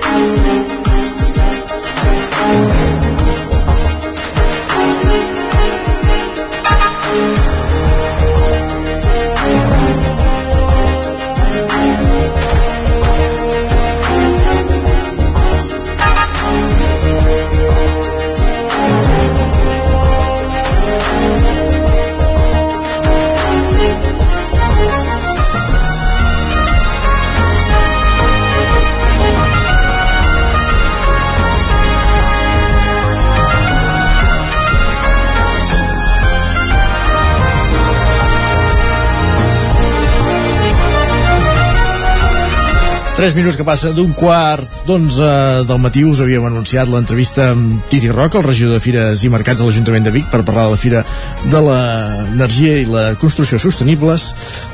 Mentrestant el que fem és parlar d'un dels temes de la taula de redacció, aquesta notícia que us avançava al matí, la presència de Quim Salaric als Jocs Olímpics d'hivern, amb una prova on, on no ha anat del tot bé. Esther Rovira, cap d'Esports del 9-9, bon dia. Bon dia. Doncs no, eh? Uh, quatre anys uh, preparant-se per, per viure aquest moment, els seus segons jocs, uh, i Quim Salaric, uh, que ha patit una, una sortida de, de pista, la primera mànega de, de l'eslàlom d'aquests jocs de, de Pequín. Uh, això, havia, havia sortit molt bé, havia marcat el, el primer temps just a la, a la sortida i quan ha caigut en aquesta part alta de, de la pista anava a tercer, eh, amb un temps que el situava en tercera posició, però això, en una porta, en, en una interior, eh, doncs ha sortit de pista i ha quedat eh, eliminat. Eh, és allò que, que l'esport té aquesta cara que és cruel, eh? tant temps preparant-se, eh, arribava en el seu millor moment de, de forma després de fer dos tops 15 en la Copa del Món, eh, sent el, el millor esquiador de l'estat espanyol en els últims 40 anys, eh, però bé, eh, aquestes sensacions tan bones, eh, arriba un moment que tu jugues tot en una baixada, no?, eh, per intentar fer-ho el millor per després eh, tenir més opcions a, a la segona i quan ho dones tot a, a la primera, eh, doncs corres el risc que passi, que passi això, que ja és el que li va passar també fa 4 anys eh, en els Jocs de, de Pyongyang. Ahir, al vespre, el sentia una peça al TNTV3 que deia precisament això, diu que, que evidentment un, en una ocasió com aquesta sortirà a donar-ho tot amb cap, va dir. Sí. Però clar, eh, no, no sempre tot és controlable, entenc, eh? No, no, clar, i, i també les condicions de, de la neu, eh, això ja en parlava la Núria Pau eh, de, de Ribes de Faser, que hi va participar la, la setmana passada. Sí, eh, és, és una neu artificial en una zona eh, on hi neva poc eh, i on el que fa és, és molt fred, temperatures molt baixes i, i tampoc hi ha les mateixes condicions d'humitat que, que on estan acostumats a competir, que bàsicament és, és el centre d'Europa de, i això fa que, que no per tothom sigui, sigui fàcil aquest, aquest traçat de, de la pista. Uh, i, i bé, uh, això moltes, moltes esperances hi havia posades en, en aquesta actuació de, de l'esquiador de malla eh, per això que dèiem, eh, perquè havia firmat en les últimes proves al voltant de Nadal els millors resultats d'un esquiador alpí en, en slalom els últims 40 anys a, a l'estat espanyol però després arriben uns jocs, tu jugues tot i, i això, i en, i en qüestió de, de segons Uh, doncs uh, pots patir uh, una se'n, caiguda se'n va no? tot a terra i se'n va sí, tot sí, a terra sí. i això és el que ha passat aquest, aquest cap de setmana suposo que ara ell uh, aquest, aquest cap de setmana vull dir aquest dimecres uh, suposo que ara ell és això ha d'analitzar-ho no? però, però sí que abans explicava que a diferència de la primera vegada on l'èxit ja era arribar-hi mm. aquesta vegada uh, arribava la plenitud ja de la seva, de la seva trajectòria esportiva i l'objectiu era anar a fer un bon resultat uh, ell deia que s'adonaria per satisfet amb quedant dels, dels 15 primers i això que dèiem, eh, marcava uns temps de, per ser tercer quan, quan ha caigut que haguéssim vist com hagués evolucionat perquè la pista són 67 portes. Eh, però bé, no, no ha pogut ser perquè, perquè doncs això, ha patit una, una caiguda. Segurament si s'hagués conformat amb quedar dels 20 primers eh, potser no hauria caigut però ell va voler, ha volgut això, apostar per anar a totes, com bé deies, i els riscos, i sobretot el món de l'esquí, hi són, perquè la possibilitat de caure hi és, I és sempre. sempre, no? Mm -hmm. I sobretot això, quan les temperatures són baixes i la neu és, eh, és més, eh, eh, amb, més gel, hi ha més probabilitats també que, que això passi, no? Bé. Perfecte, doncs uh... un apunt més eh, ja tenim l'experiència no? de, els dos corredors del territori 17 que teníem participant mm. en aquests Jocs Olímpics d'hivern Núria Pau que va caure la segona mànega eh, Quim Salaric que ha, ha caigut eh, ha sortit de pista a la, a la primera una experiència més per explicar eh, quins són els propers reptes ara mateix d'aquests esquidors, Esther? Uh, bé, doncs la Núria Pau li quedaven algunes copes d'Europa de, i algunes copes de, del món en el cas de la Copa d'Europa les, les finals uh, per tant això encara eh, alguna prova important. I, i en el cas de, de Salaric també però ara ells ja estan en un punt de la temporada al febrer que, que poca cosa queda.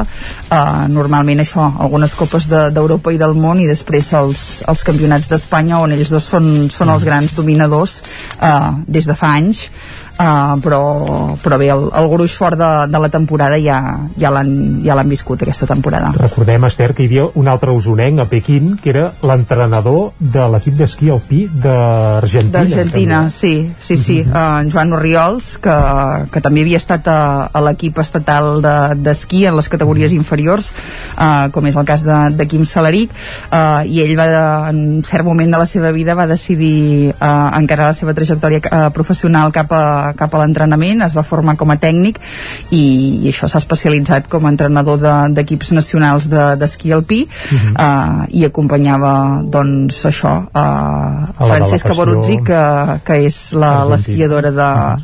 que representava l'Argentina i que ella va fer dos tops 30 en dues de les, de les seves competicions uh, i per tant un, un balanç també positiu per l'Argentina tenint en compte que és una selecció petita en comparació amb les grans del centre i del nord d'Europa de, uh, i bé, això, sí que, sí que hi havia, hi havia teníem participants a, a, la, pista, a la pista i també d'altres des, de, des de, exacte, com a entrenadors. Gràcies, Esther. Que vagi molt bé. I continuem aquesta taula de redacció i ara parlem amb una altra de les notícies de la setmana en companyia d'en de, Víctor Palomar. Víctor, bon dia també. Um, divendres coneixíem aquesta notícia que era la compra per part dels editors del diari de Terrassa i el diari de Sabadell d'un grup de comunicació nascut a Osona com és Nació Digital.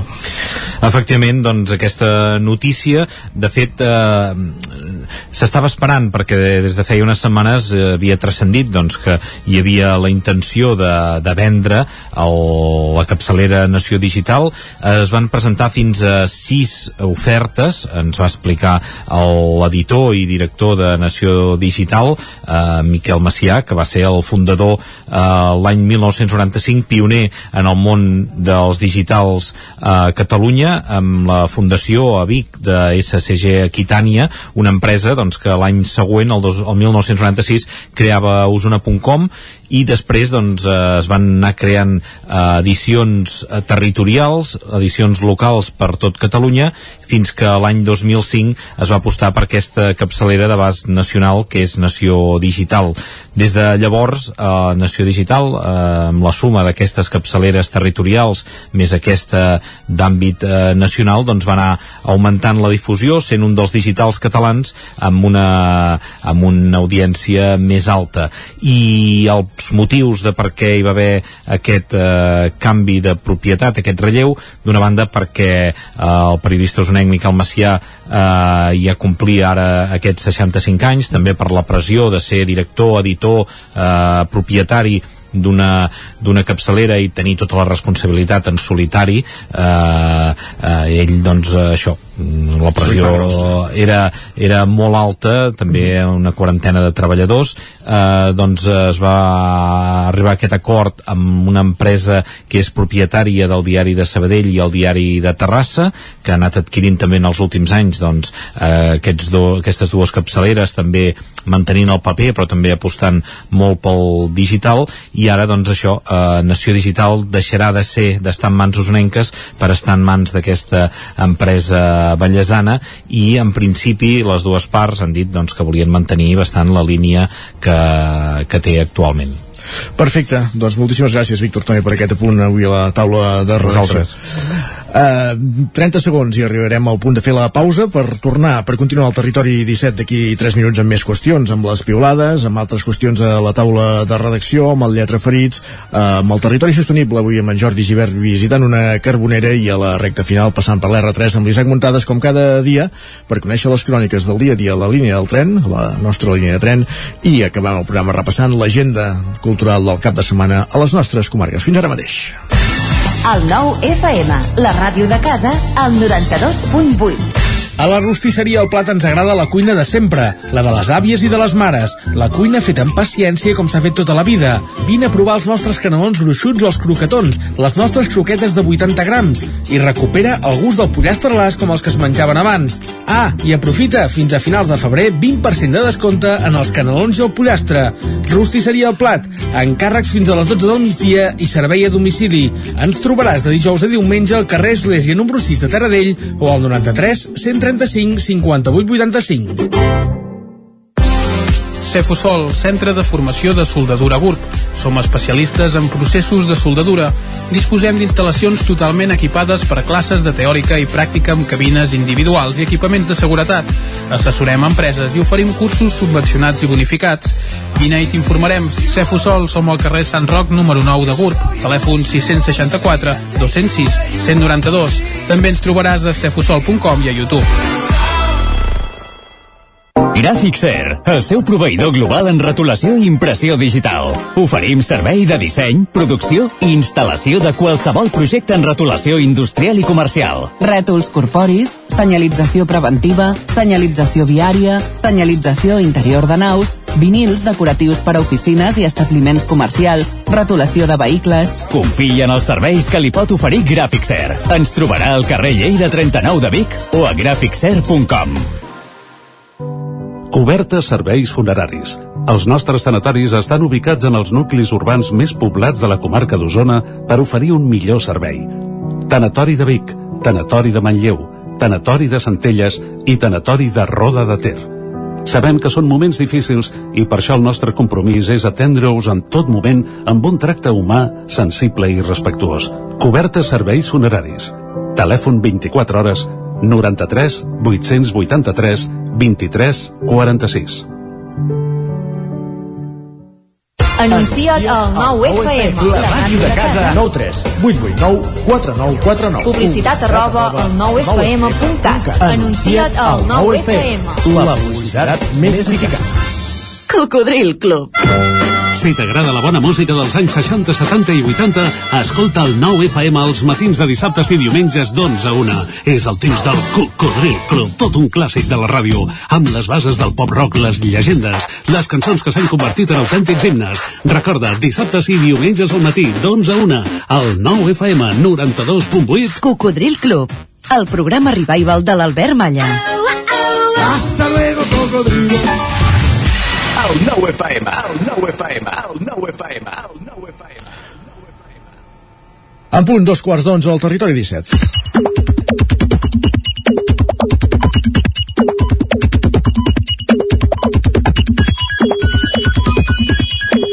Moment d'endinsar-nos al món de Twitter.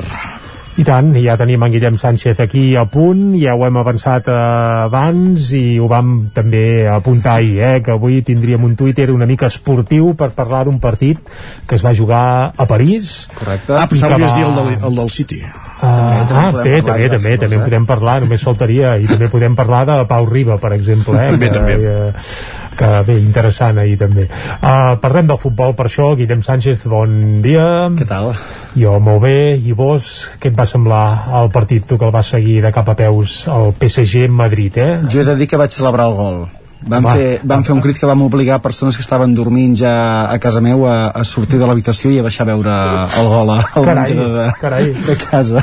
Home, va arribar tard, eh? El gol es va fer esperar, eh? Sí, va arribar tard, per tant... Mbappé. Sí, per tant ja donàvem més arguments perquè la gent estigués dormint, però no, no aquí la gent va, va, va baixar i va veure el gol i el va celebrar una altra, una altra vegada. Doncs va, com dèiem, eh, parlem una mica d'aquest partit. En Martí ens ho resumia de la següent manera, en, en molt poques paraules. Ens deia 22 tirs del PSG contra 2 del Madrid. Mare de Déu senyor.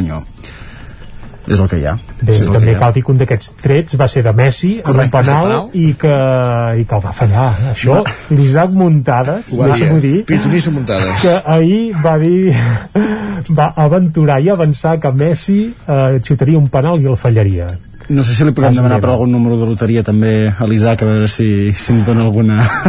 l'Isaac per a punts esportius ell s'atreveix a tot, per números de loteria ja no t'ho sabria pas dir, però I- vaja, li demanarem d'aquí una estona I ja ho dic ara també, perquè llavors no sigui dit que no ho diem, Va. tot i que el Barça no jugui a la Lliga de Campions, la rivalitat Barça-Madrid porta també a conclusions com la que ens diu en Marcel, que, es, que diu es dorm tan bé sabent que el Real Madrid ha perdut. Ens consolem un poc, eh, també. Bueno, i, l'altre tema és que Pep Guardiola va guanyar Correcte. que no deixa de ser una branca barcelonista que molts també portem allò encara una mica arrelada eh? I agafant el que dèiem al principi, situacions com la d'ahir també ens porten a viure el futbol d'aquesta manera, com ens diu l'Ignasi, diu, acabem de celebrar un gol del PSG com si el Barça hagués guanyat la Champions. Quina bueno, vida. no serà tant, no serà tant eh, hi ha gent que exagera molt eh, també I en Xavi ens escriu a través de xarxes queda palès que la Lliga no té nivell malgrat el resultat. El seu líder ha estat un ninot en mans del PSG. Quan escoltes, a més, els de Movistar, et petes de riure dels comentaris. Es veu que van dir, quan eh, van assenyalar el penal, Mhm. el narrador principal del partit va dir saque de porteria. ah sí? Sí, eh, sí. carai Diu, i Clar, elogiar... és que estan tan acostumats als partits de la Lliga Espanyola on quan cau algú del Madrid a les àrees no passa res, que clar uh, bé, bé, bé, està bé, bé volia dir quan cau, bé, tant és seguim, seguim Doncs va, aquest és el nivell. I canviant de tema, anem a comentar també una de les notícies més destacades dels últims dies i amb més clics del que portem de més. Es veu que hi ha nous requisits per entrar a la Policia Nacional. Ah, sí, tant. Ni Sí. alçada mínima ni prova d'ortografia i les xarxes, evidentment, no s'han fet esperar per poder comentar aquesta notícia. Ens escriuen, doncs miri, les policies locals el fan cada dos anys, cosa que la policia de la Generalitat no fa. En Víctor ho resumeix tot amb un nom propi. Ens diu Torrente, aquest és el seu resum de la situació, i la Conxi ens fa una nova aportació, diu, per ser poli o mosso cal presentar el batxillerat a Catalunya a la majoria d'aspirants, amb això se'ls reconeix el seu de català. A Espanya els feien un examen de llengua i el suspenien. M'agradaria saber què passaria si el féssim aquí. Potser tindríem també alguna sorpresa. I Bé, de... tenint en compte el redactat de físic, eh, presencial, allò mà d'algunes multes que he rebut, ja et dic jo que la majoria en... No està per aprovar. suspesos, No està per aprovar. suspesos, sí, sí, I de un, un català no de parvulari, sinó més avall i tot, quasi. I de pel·lícules també va el comentari d'en Carles que ens diu serà com Boig Acadèmia de Policia, que al final varen deixar entrar a qualsevol persona. Home, però es feien entranyables, Es aquests, feien eh? entranyables. De fet, quantes n'hi ha de pel·lícules? Jo crec que en van arribar a fer 4 o 5, eh, de Bojo Acadèmies de Policia, que estem parlant dels anys 80 i 90, sí. eh, i jo em havia engolit més d'una. Eren... dels Rambos i Rockies. també, Sí, exacte, no, no era pas cap altre... Vaja, l'únic objectiu era riure una Era mica riure una i mica. ja està, eh? Doncs va, eh, parlant de policies i parlant de sancions i multes, hem de posar una sanció ben greu a aquest usuari que ens ha deixat el Ara, següent clar. missatge a Twitter. Alerta. Ens diu, em podeu treure el carnet de catalana. Acabo de descobrir obeses. Diu, val més tard que mai. Ah, bueno, això és no. Home, home Si però ho ha descobert, escolta, ja està, no, no hi ha cap problema al contrari, el carnet eh, el que vulgui La Mercè Porta diu... benvingut al club diu, jo ho he fet pitjor, però una vegada que venen a Terres de l'Ebre i concretament al meu poble no els vaig poder anar a veure. No sé si és perquè van a tard a les entrades o què, però la Mercè en aquest cas no, no es va poder gaudir. Bé, ja li avancem des d'ara que a partir del mes que ve Obeses tornen a fer directes Correcte. i arrenquen nova gira que de moment no passa per les Terres de l'Ebre però esperem que, que sí, que també hi tingui parada i si no, escolta, es pot desplaçar eh? jo vaig a veure concerts a, a mig món si cal per tant pot venir a veure Obeses a Vic a Sarrià de Ter o a Castelló d'Empúries que crec que també en tenen algun El que ha de fer per això la Mercè seguir amb la filosofia del grup que ens explica l'Albert, que ens diu els bons herois d'Obeses, anem a Osona i esmorzem pa torrat, birra, tafia, pastes, un músic i botifarra amb seques. No ens ho hem fet amb un parell de xeques, però hem acabat cantant com l'Arnau Tordera mentre un tocava el violí. Visca l'obesisme i visca Catalunya, fills meus.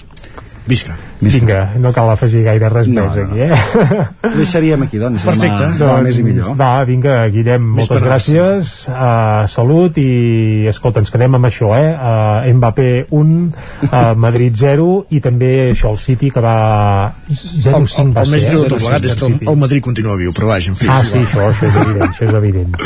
Va, anem a repassar uh, anem a digitals, portades del 99.cat, que evidentment no es fan referència de resultats esportius, perquè només parlen de, bé, de les nostres contrades, eh? Comencem Com pel 99.cat. per exemple, eh? Ah, això sí, evidentment. Comencem al Vallès Oriental, on el titular principal ara mateix és per Martorelles i extreballadors de Derbi, que presenten el programa per celebrar el centenari de l'empresa, d'aquella empresa mítica que feia derbis, motos, evidentment. També els positius de Covid tornen a reduir-se a la meitat per segona setmana consecutiva. Bones notícies en aquest sentit. I Territori reserva 6 milions d'euros per fer una connexió entre la C-17 i l'AP7 a Parets del Vallès. També un apunt pel Teatre Auditori de Granollers, que celebra 20 anys amb 640.000 espectadors i més de 1.200 espectacles programats. Anem ara cap al 99.cat d'Osona i el Ripollès. Els usonencs Cicuta triomfen amb el seu primer espectacle per a públic familiar. Són una nova banda eh, de teatre i música que bé, que ho estan rebentant, que es diu avui dia, sobretot en el món dels espectacles per a públic familiar. També detingut una trentena de vegades per robatoris un jove de Manlleu, ens n'hem fet ressò avui a l'informatiu aquí a Territori 17, i els veïns de Fuent Santa de Ripoll votaran el 19 de febrer per rebatejar el barri i esborrar el nom franquista. Això apareix ara mateix a les portades del 99.cat. Perfecte, doncs arribats a aquest punt el que fem és anar cap a la taula de redacció, continuar la taula de redacció.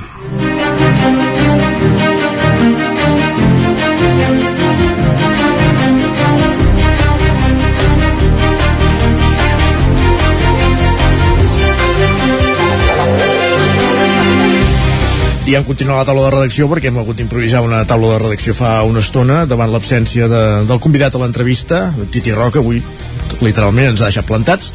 No és la primera vegada, segurament sí que serà l'última. Uh, Guillem Rico, benvingut a la taula de redacció. Parlem del ple de roda que va haver-hi ahir, que es va celebrar ahir a l'Ajuntament de Roda de Ter. Uh, no sé com si els ànims continuen tan calents com la resta d'aquest mandat. Uh, continuen uh, monotomàtics amb alguns temes que, que és com reiteratiu que cada ple uh, s'enganxen amb els mateixos temes i la veritat es fa una mica pesadet també s'ha de dir uh, re, uh, el que fa a l'ordre del dia hi havia l'aprovació, l'adjudicació finalment del contracte de les obres de la primera fase del carrer Verge del Sol del Pont per tant això vol dir que ara sí que ja s'hi van presentar tres empreses i finalment doncs eh, després de, de que hi haguessin errors en els plecs que eh, no s'hi presentés ningú que quedés desert que s'hagués de tornar a fer, etc etc. doncs finalment es va acabar aprovant l'adjudicació del contracte en què hi ha una petita rebaixa i per tant serien eh, men menys dels 492.000 euros que, que ha de valdre eh, el, el projecte eh, a banda d'això eh, i, que, i que és el que va ser el més interessant del ple vaja o més sorprenent també perquè era un punt d'urgència que no estava a l'ordre del dia i tampoc ens l'esperàvem. No sé si molts dels nostres oients recordaran la, la novel·la aquesta de, del grup de Junts per Cat que estaven al govern, a l'anterior govern eh, van fer fora el cap de llista del govern, això es va plegar una altra regidora va quedar el govern d'Iberra en minoria. Ells van passar a ser els dos regidors de Junts que van sortir del govern durant un temps van passar a ser regidors no adscrits Uh -huh. I, i, i quedava un altre regidor de Junts al govern, després hi va haver una moció de censura va acabar sent al revés llavors els dos regidors aquests van tornar a recuperar la seva condició de, de Junts per tant ara teníem dos regidors de Junts al govern i un regidor de Junts a l'oposició de Junts per Roda, sí? Sí Vale, doncs ara aquest regidor de Junts, que sempre havia estat de Junts que estava a l'oposició, ahir es va aprovar per urgència eh, que ell passava a ser regidor no adscrit perquè deia que la situació no era lògica um, que, que la, no hi havia la relació amb els altres dos membres del, del grup era nula i que també això feia que no li arribés la informació com a regidor de l'oposició que li acabaven passant l'altre regidor no escrit de l'oposició, Marc Verdaguer, que va sortir d'IPR i el mateix grup d'IPR. Uh, ell diu que està treballant des de Junts, o sigui, des del nou partit de Junts, per tant, ell, això, tot això ho deia amb una mascareta de, de Junts amb el, logo de, amb el logo de Junts, tot i que passa a ser no escrit, ell seria, diguem, com el... Uh, uh, la, uh, el que estaria vinculat amb el partit de Junts per Catalunya i no tindria cap vinculació amb Junts per Roda. Aquí hi ha aquesta diferència eh, de Junts per Catalunya amb Junts per Roda que, que anirien per separat. En el seu moment es van presentar amb aquesta marca, eh, llavors encara hi havia el PDeCAT i es van fer aquestes coalicions per presentar-se eh, a les municipals i llavors, per tant, eh, uh, seria el representant de Junts com a partit però no el representant de, de Junts per, per Roda. I paral·lelament eh, el, els companys de Junts per Roda eh, en Joan Moreno que era el cap de llista i la Marina Quintana que era l'altra regidora que també va sortir del govern doncs van anunciar que eh, això deien que s'havia creat a, les, a Junts per Roda perquè tothom hi pogués tenir el seu espai, etc etc i el que han acabat fent és eh, cre eh, inscriure Junts per Roda com a, com a tal, com a, com a partit. L'han inscrit al registre del Ministeri de l'Interior com a partit polític Uh, i per tant passaria a ser un, un grup independent uh, i això ja seria de cara a les properes eleccions doncs que, que aquests regidors de Junts doncs crearien ells entenen que el projecte polític que van crear en el seu moment el representen ells i, i per tant això eh, ara falta eh, estan, estan, han creat eh, aquesta aquest partit a part, diguem, i entenem que tot és en clau política. Tot i això, després del ple, Moreno ens deia que si s'entenien amb Junts es podrien acabar-ne parlant, però ja, ja es, es plantejava bastant de cara a les pròximes eleccions que uns anirien com a Junts per Roda que seria un grup independent i els altres anirien com a Junts per Catalunya que serien el, la, els que anirien amb la marca postconvergent diguem per tant ara sí. Ningú s'atreveix a reclamar unitat, no?, després d'aquesta situació. Exacte, entre ells ja es veia que no hi havia, ja s'ha anat veient al llarg de, de tots els plens, que, que no hi ha bona relació entre ells, i per tant, al final, el més fàcil i més còmode per tots ha acabat sent mm, partir-se definitivament amb grups diferents i, i per ja... tant tu ja augures que com a mínim hi haurà jo, jo auguro que com a mínim a, a les properes eleccions Esquerra, Junts per Catalunya, Junts per Roda i PR i PR 4 molt 4, almenys jo crec que 4 hi seran, vaja. Perquè Junts i PR Junts tampoc, eh? Junts i PR Junts, això era una de les possibilitats que es plantejava en el seu moment, que fins i tot s'havia estudiat o s'havia dit... O algun excandidat d'IPR voldria. Ah, exacte, eh, que fins i tot Albert Serra podia haver estat el candidat de, de Junts, ara havent-hi tot això eh, veurem, veurem què passa sí que és veritat que eh, l'actual regidor que ara ha passat a ser un escrit eh, Albert Aguilar van molt en sintonia amb, amb IPR de fet havien estat governant junts i s'entenien mm. i ell no va sortir del govern i el van fer fora en el seu moment com els altres dos regidors per tant mm, l'entesa hi és, ara s'hauria de veure també si la resta de membres d'IPR eh, voldrien formar part d'una llista sota el paraigües de Junts, ells que es venen com com independents i sense vincles amb cap partit. Ja que parlem de Roda, fora del ple, ja dic, qui diu Roda diu Masies, en aquest cas, eh, ja fa dies que hi ha una, unes obres a la carretera de Roda a Manlleu, unes obres per eixamplar-la, i sembla, demà està, hi ha anunciat un tall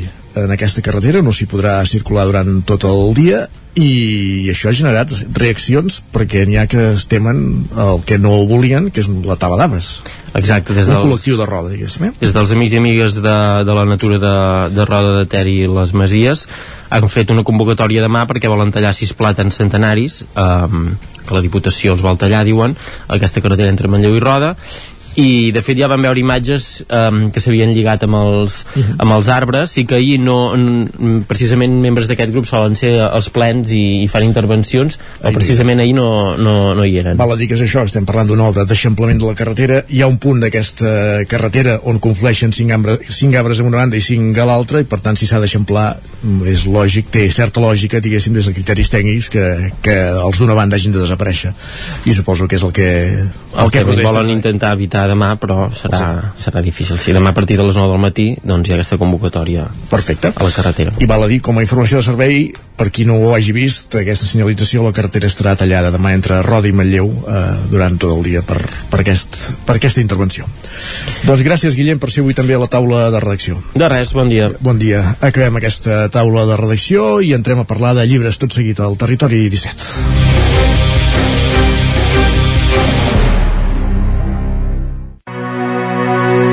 Territori 17. El 9 FM, la veu de Sant Joan, Ona Codinenca, Ràdio Cardedeu, Territori 17.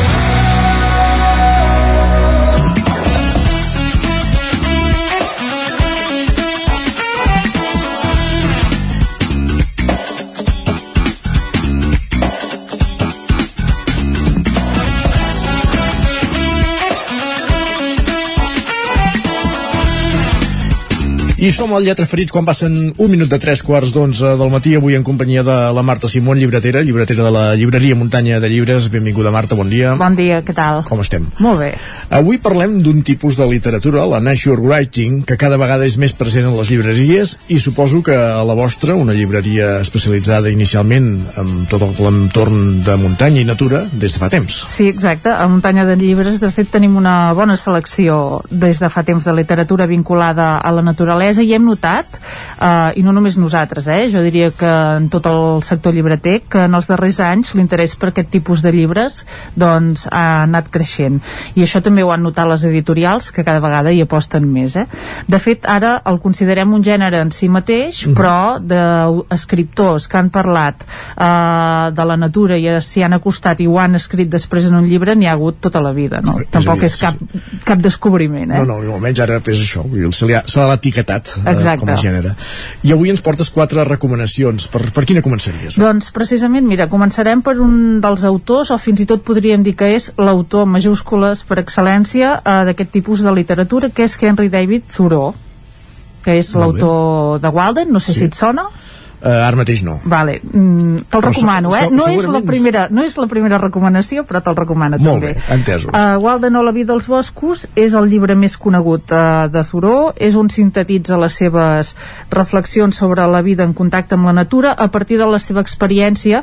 Aquest senyor uh, l'hem de situar a mitjans del segle XIX als Estats Units i un dia va decidir deixar-ho tot i anar-se'n a viure en una cabana a l'estany, a tocar de l'estany de Walden, uh, en una cabana construïda per ell mateix i sobrevivint amb el que tenia allà i amb el que trobava. I s'hi va estar dos anys. Uh -huh. uh, a partir d'aquí doncs, va escriure aquest llibre, Walden o la vida dels boscos, que, que va ser molt famós. Va escriure articles sobre la història natural i la filosofia, i de fet va anticipar conceptes que avui ens sonen d'allò més habituals com és el, per exemple el, tot el que és l'ecologia o la història mediambiental. Uh, a banda de Walden, Thoreau també és força conegut per haver escrit Desobediència civil que on proposa, és on proposa la insurrecció davant l'Estat i la no violència que també va influir després a Gandhi o per exemple a Martin Luther King i va estar tancat a la presó fins i tot per negar-se a pagar els impostos perquè estava en desacord amb la guerra a Mèxic i amb l'esclavitud als Estats Units era un, un personatge eh? Uh, però avui en parlem perquè us volem recomanar el llibre Excursions publicat per edicions Reremus.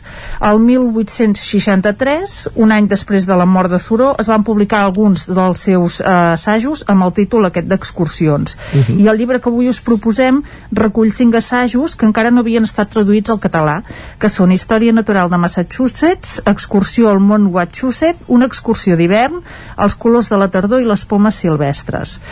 Són textos que abasten pràcticament tota la trajectòria de Thoreau i que ens permeten entendre entendre com entenia ell el món i la seva pròpia presència en aquest món. Uh, Thoreau ens demana que passegem, que sortim a observar la natura, que sortim a observar el món que ens envolta i que això ens permetrà també observar els nostres propis mons i cultivar l'estat d'ànim. I si et sembla, llegeixo un fragment Oh, tant, llibre. endavant, sí, sí. Molt bé, a veure si el trobem que diu, no trobareu salut a la societat sinó a la natura a menys que els nostres peus siguin enmig de la natura, els nostres rostres seran pàl·lids i lívids. La societat sempre està malalta i la millor societat és la que més ho està. Allà no hi trobem cap aroma tan saludable com el dels pins, ni cap fragància tan penetrant i reconstituent com la de les semprevives a les pastures altes. Jo tindria sempre algun llibre d'història natural al costat com una mena d'elixir. Llegir-lo reforçaria el meu organisme. Per als malalts, de fet, la natura està malalta, però per als sants és una font de salut. Qui contempla un tret de bellesa natural no pot patir cap mal ni cap decepció. Les doctrines de la desesperança, de la tirania o servitud espiritual o política mai no van ser impartides per aquells que participaven de la, seren de la serenitat de la natura. Bé, va per aquí la cosa, eh? Molt bé. En fi, que si voleu descobrir aquest autor, eh, podeu començar per excursions i, com dèiem, publicat per edicions Reremus amb traducció d'Alicia Rodríguez. Doncs en prenem nota, eh? excursions de, de Turó, de David Turó, també l'autor de Walden, la primera recomanació. La segona recomanació és La vida secreta dels arbres de Peter Wolleben, publicat per Cossetània. Sí, exacte. Uh, de fet, passem d'un dels grans autors clàssics uh, de la literatura de natura doncs, a un dels autors contemporanis més venuts. Uh, Peter Wolleben Uh, va escriure aquest La vida secreta dels arbres que s'ha convertit en un autèntic bestseller dins del gènere. De fet, en català em sembla que porta 5 edicions i a tot el món s'han venut més de 2 milions d'exemplars. I és un d'aquells llibres que sempre et van demanant, eh, la gent. Um, aquest senyor Wallaman va estudiar enginyeria forestal, va treballar 20 anys en un organisme públic de gestió forestal, però al final va decidir establir-se per ell mateix i treballa restablint boscos primaris. Uh, per què és conegut, però? Doncs per ser un gran divulgador sobre el món de la natura. Fa xerrades, conferències, seminaris, ha escrit molts llibres. A la vida secreta dels arbres ens ofereix una mirada diferent i sorprenent dels arbres i dels boscos. Llegint aquest llibre descobrirem fets extraordinaris, com per exemple les formes que tenen de comunicar-se als arbres o com es preocupen, per exemple, per als arbres veïns eh, o malalts. Per exemple, a veure, Isaac, no sé si sabies tu que alguns roures, alguns arbres, com els roures, es Sí. comuniquen mitjançant substàncies químiques eh, odoríferes. Entre parlo- ells? Sí, exacte. És a dir, quan un arbre rep un atac d'insectes, envia uns senyals aromàtics als companys del voltant i aquests es carreguen automàticament de substàncies amargues que els fan fora. Vale. Mira, és, curi és curiós Sí, això. sí. Descobrirem que els arbres tenen memòria, records i que són sensibles o fins i tot els surten arrugues. A part d'aquest llibre, Wallaban n'ha escrit d'altres com La vida interior dels animals, La xarxa secreta de la natura o El batec del cor. Molt bé. Del bosc, Del perdó. bosc. Doncs déu nhi el que aprenem amb, aquest, amb aquests volums, amb aquests llibres. Uh, la següent recomanació té relació amb els ocells. Sí, ara ens fixem en els ocells i ho fem a través de l'assaig Viure com els ocells de l'escriptora belga Vincian Dipré, publicat eh, per l'editorial Arcàdia amb traducció d'Adrià Pujol. Dipré és professora de Filosofia de la Ciència i Antropologia de la Psicologia a la Universitat de Lieja i és coneguda arreu del món per les seves aportacions en l'àmbit de les relacions entre humans i no humans. En el cas de Viure com els ocells, Dipré parteix del fet que durant la primavera els ocells s'aïllen, no toleren la presència d'altres ocells, s'amenacen, s'ataquen i sobretot vigilen que ningú creui la frontera del seu territori.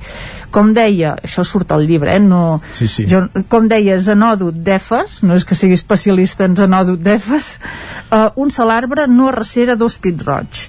Uh, aquesta frontera del territori dels ocells és invisible als ulls humans però perfectament tangible en el món de les aus. Llavors, aquesta constatació serveix a la filòsofa per analitzar el desenvolupament dels estudis ornitològics i adonar-se que com més va més, més complexos són els descobriments que es fan en relació a la manera que tenen els ocells d'ocupar el territori. Un assaig que ens permet pensar sobre quin és el lloc que com a humans ocupem a l'hora de conèixer i establir contacte amb altres espècies. Carai, eh, això, nosaltres veiem un estol d'ocells, mai... I ja està, eh? Dius, mira que bonics. Eh, mai haguéssim imaginat doncs, totes aquestes barreres o aquests senyals que hi ha entre ells, diguéssim, no?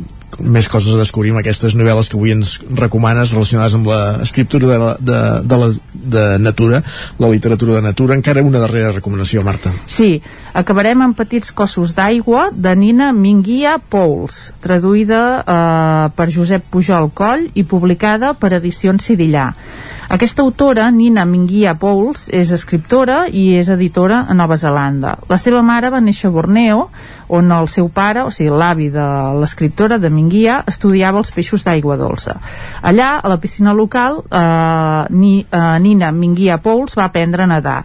A partir d'aquest record, del que ell anomena aquesta primera massa d'aigua, l'escriptora fa una reflexió, reflexiona sobre la infantesa viscuda entre dues cultures, la de Malàisia i la de Nova Zelanda, i utilitza com a metàfora les masses d'aigua que ens separen i ens connecten per parlar de migracions, per parlar de menjar, de família... Uh, és un llibre que va guanyar el primer premi Nan Shepard d'escriptura de la natura i és un llibre on la natura hi és molt present però d'una manera molt més lírica i amb un llenguatge intens i poètic uh, una mica diferent, no és tant un assaig uh, com els altres eh? una mena de diari, de textos relacionats amb la memòria on l'aigua hi té molt de protagonisme. Molt bé, doncs aigua, ocells, arbres i... I, i una mica de tot i una mica de tot, i escenes de la natura són aquestes quatre recomanacions que ens portaves avui d'aquesta tendència o si més no d'una tendència d'un tipus de literatura que ja ha set sempre com dèiem ara s'ha s'ha etiquetat amb aquesta eh, literatura de natura no sé si tens algun altre fragment d'alguna d'aquestes obres que ens has comentat perquè poguéssim llegir per completar avui la, la No, secció. mira, el que et voldria comentar, sí. que segur que ja en parlareu algun altre dia, és que avui precisament surt a la venda un llibre on la natura també hi té força Ah. importància, que és Mamut, de l'Eva Baltasar. és cert, sí publicat per Club Editor, que és el tercer d'una trilogia, diguéssim, que ella va començar amb Parmagel i després va continuar amb... Eh, ara no em sortirà... Mamut, No, Mamut és el tercer, perdó uh, Bé, ja ho buscarem, ho Sí, buscarem ara. ràpid. I uh, avui surt a la venda aquesta, aquest tercer volum que estava, bueno, era força esperat, molt esperat per tots els lectors de Parmagel, que en té moltíssims. De fet, uh, Parmagel va ser una sorpresa uh, per l'editorial i per l'autora mateix, perquè ella fins, i- fins llavors havia escrit poesia i quan va publicar-lo, doncs, uh, se'n van haver de, es va haver de reeditar ràpidament. Mulder Boulder, això, ara no em sortia, mira.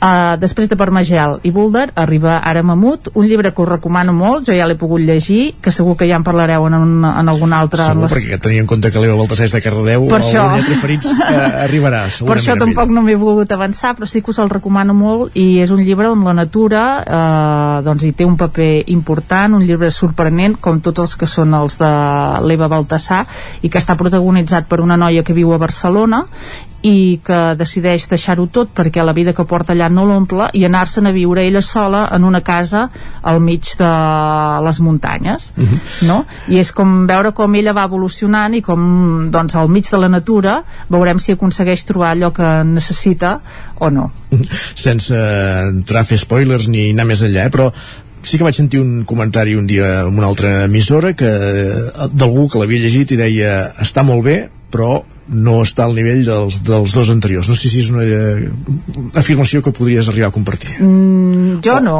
d'acord. Jo et diria que uh, a mi els dos que m'han agradat més han sigut Boulder i Mamut precisament. Per Magel potser fa més temps que me'l vaig llegir va, me'l vaig llegir quan va sortir i que deu fer uns 7 anys em sembla o així ara no ho sé segur eh? i la veritat és que em queda més lluny però tant eh, Boulder com Mamut sé que són dos llibres molt recomanables um, sorprenents o sigui, la gràcia segurament de Baltasar amb aquesta trilogia és que són temes, o sigui, toca són històries molt diferents estan unides per un mateix fil per una mateixa manera d'escriure no? que la fa molt característica i no ha perdut l'efecte aquest de sorpresa i d'acabar el llibre i dir uau, no? Molt bé.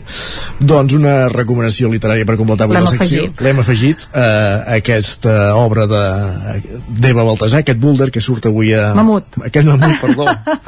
per Magel, Boulder i Mamut. Mamut és el tercer, el que surt avui a la venda de les llibreries. La Marta ja l'ha pogut llegir i ens n'ha fet aquesta...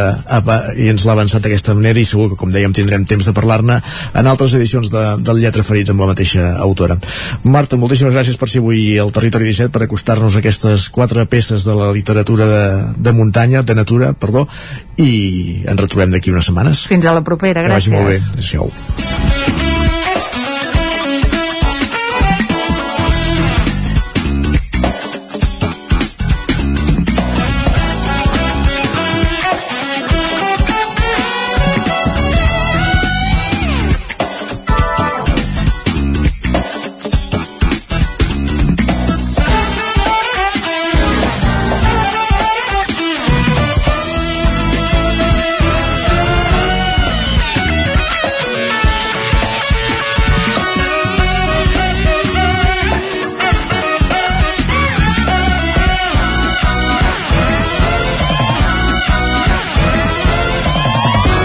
Territori 17, amb Isaac Moreno i Jordi Sunyer.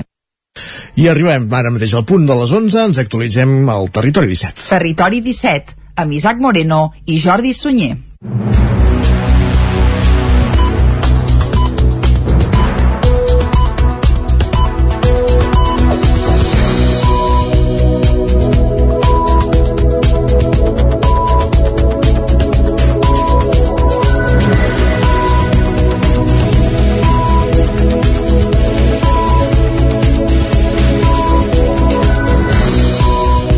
Moment per actualitzar-nos al territori 17 explicant-vos que la contaminació atmosfèrica s'ha disparat aquest principi d'any a Manlleu. Des que va començar el 2022 ja s'ha superat com a mínim 30 de dies el límit que marca l'OMS per les partícules sòlides o líquides en suspensió. L'Ajuntament ha més un ban prohibint la crema de marges i restes agrícoles i ha demanat un estudi a la Diputació de Barcelona per aclarir l'origen de la contaminació. A principis del 2022, l'estació que analitza la qualitat de l'aire a Manlleu, ubicada al passeig del Puig i l'Hospital de Sant Jaume, ha estat la que ha registrat la xifra xifres més dolentes de tot Catalunya. Com a mínim, en 30 dies s'ha arribat als 50 micrograms per metre cúbic, que l'Organització Mundial de la Salut marca com a topall màxim en les PM10, que són les partícules sòlides o líquides dispersades a l'atmosfera i que són perjudicials per la salut. El pic més alt es va registrar el dia 28 de gener, amb una mitjana de més de 100 micrograms per metre cúbic. En menys d'un mes i mig, per tant, a la població usonenca ja s'ha superat el límit de 25 dies anuals de partícules en suspensió que marca la Unió Europea. La situació, segons la regidora de Medi Ambient de Manlleu, Maite Anglada, s'explicaria per diferents circumstàncies. Aquí a Manlleu estem amb una inversió tèrmica que quan no plou, que quan eh, hi ha boira, es fa, els núvols fan com un tap i no deixa que aquestes partícules es puguin dispersar.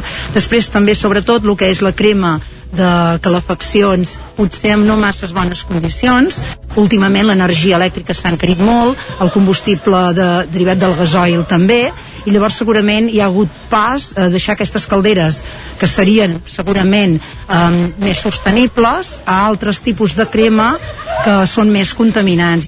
Després d'una primera acció informativa, el mes de desembre l'Ajuntament ha emès un banc que prohibeix la crema de marges i restes agrícoles a tot el municipi fins al dia 31 de març.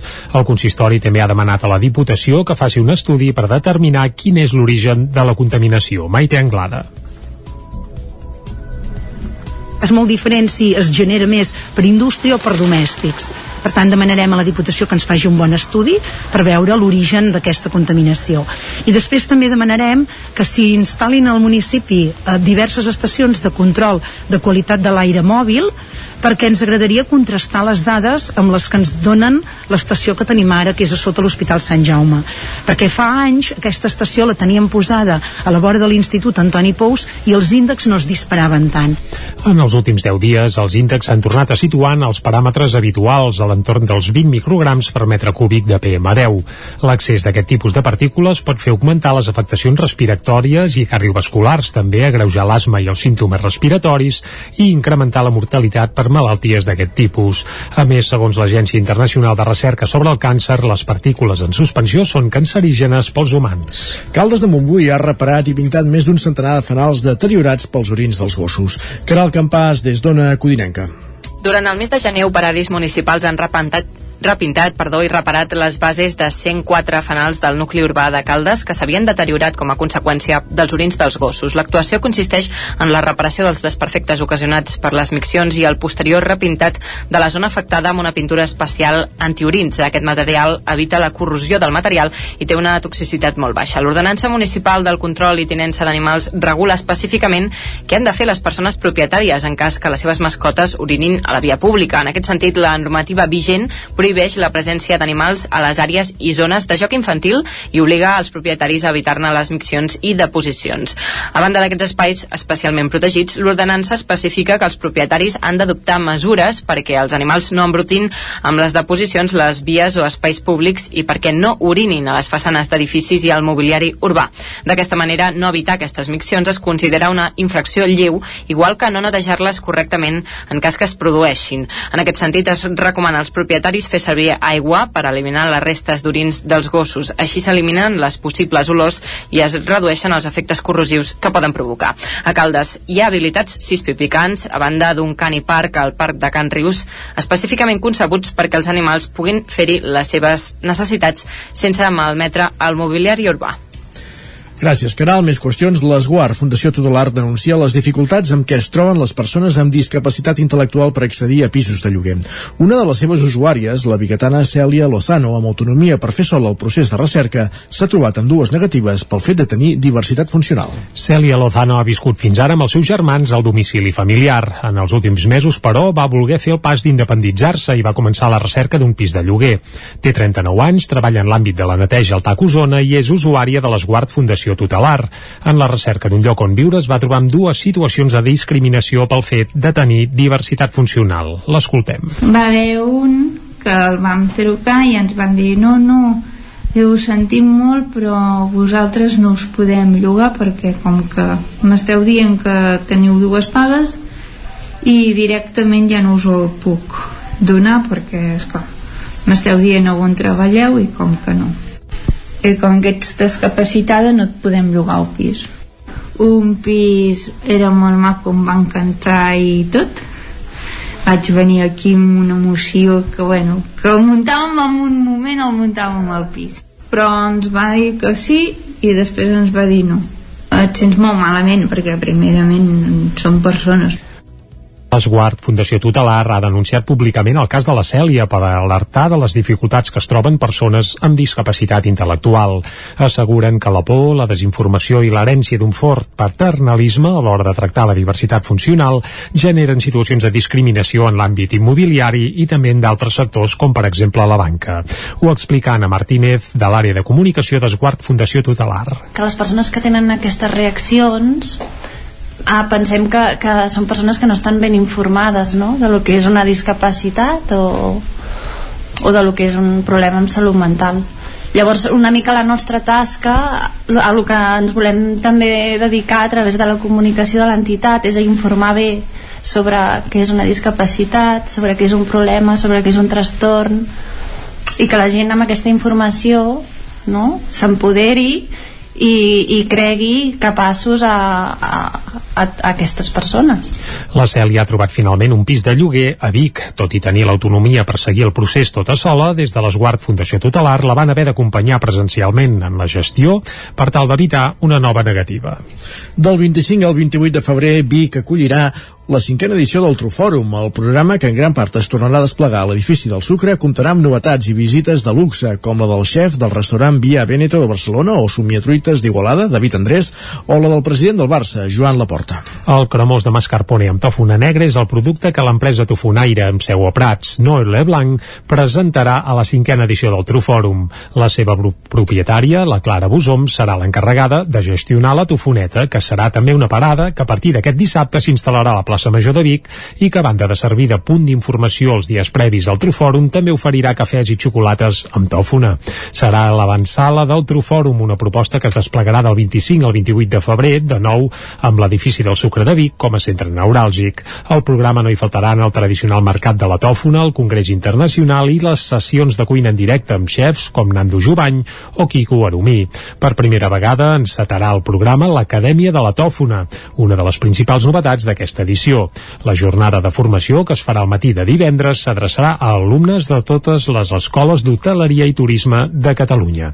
Ho detalla Daniel Uliac, que és el director del Trufòrum. L'Acadèmia de la Tòfona, en aquest cas, és, entrarem amb joves cuiners d'escoles d'hoteleria, és a dir, un procés de formació en xavals que s'estan formant, que estan a la, a, la, a la darrera fase de, de, de formació de les escoles d'hostaleria, en total, si no vaig equivocat, unes set escoles eh, que, que vindran, uns 200 alumnes, es farà taller de cuina antòfona, vale, amb el Quico Arumí, hi haurà experts també que coneixen molt bé el producte, que són, són productors però que, que la toquen molt bé l'Acadèmia de, la de la Tòfona obrirà el Trofòrum d'aquest any i qui el tancarà serà el tercer campionat de gossos tofonaires de Catalunya que es farà el diumenge a la plaça Major de Vic.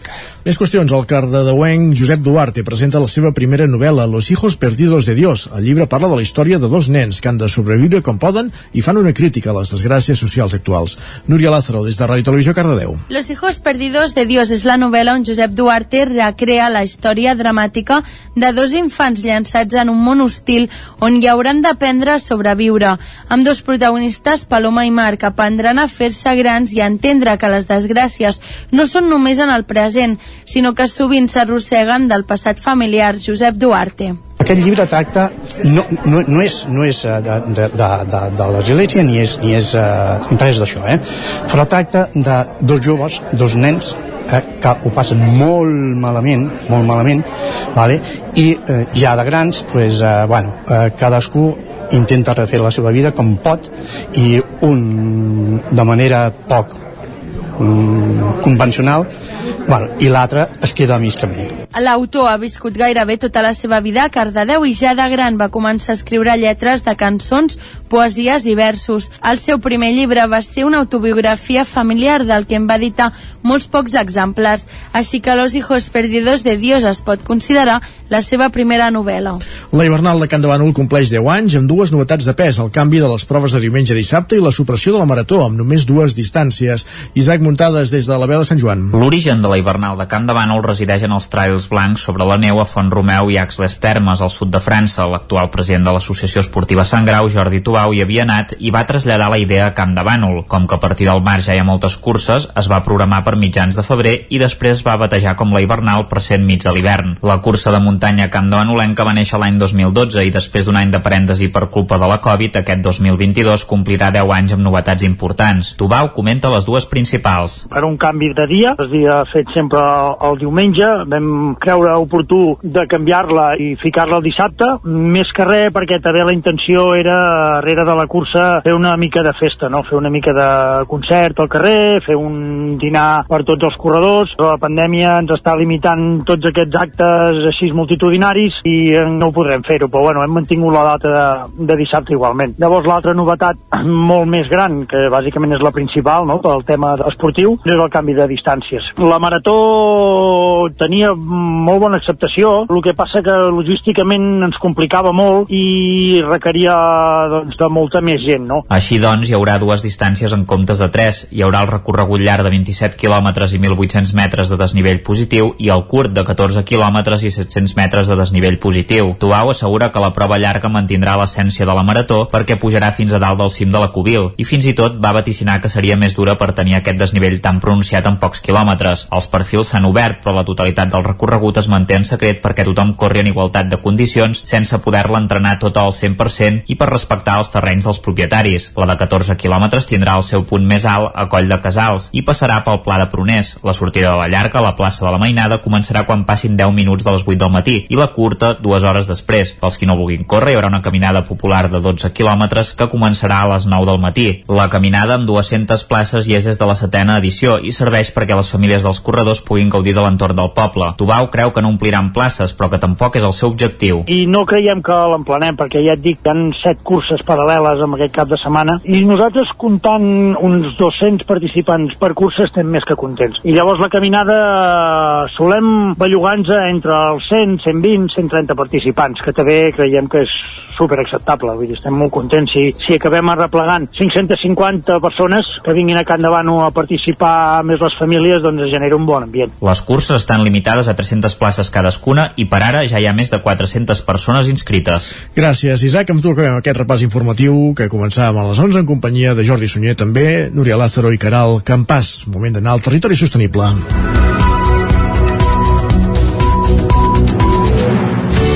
Territori 17. Envia'ns les teves notes de veu per WhatsApp al 646 079 023. 646 079 023. WhatsApp Territori 17.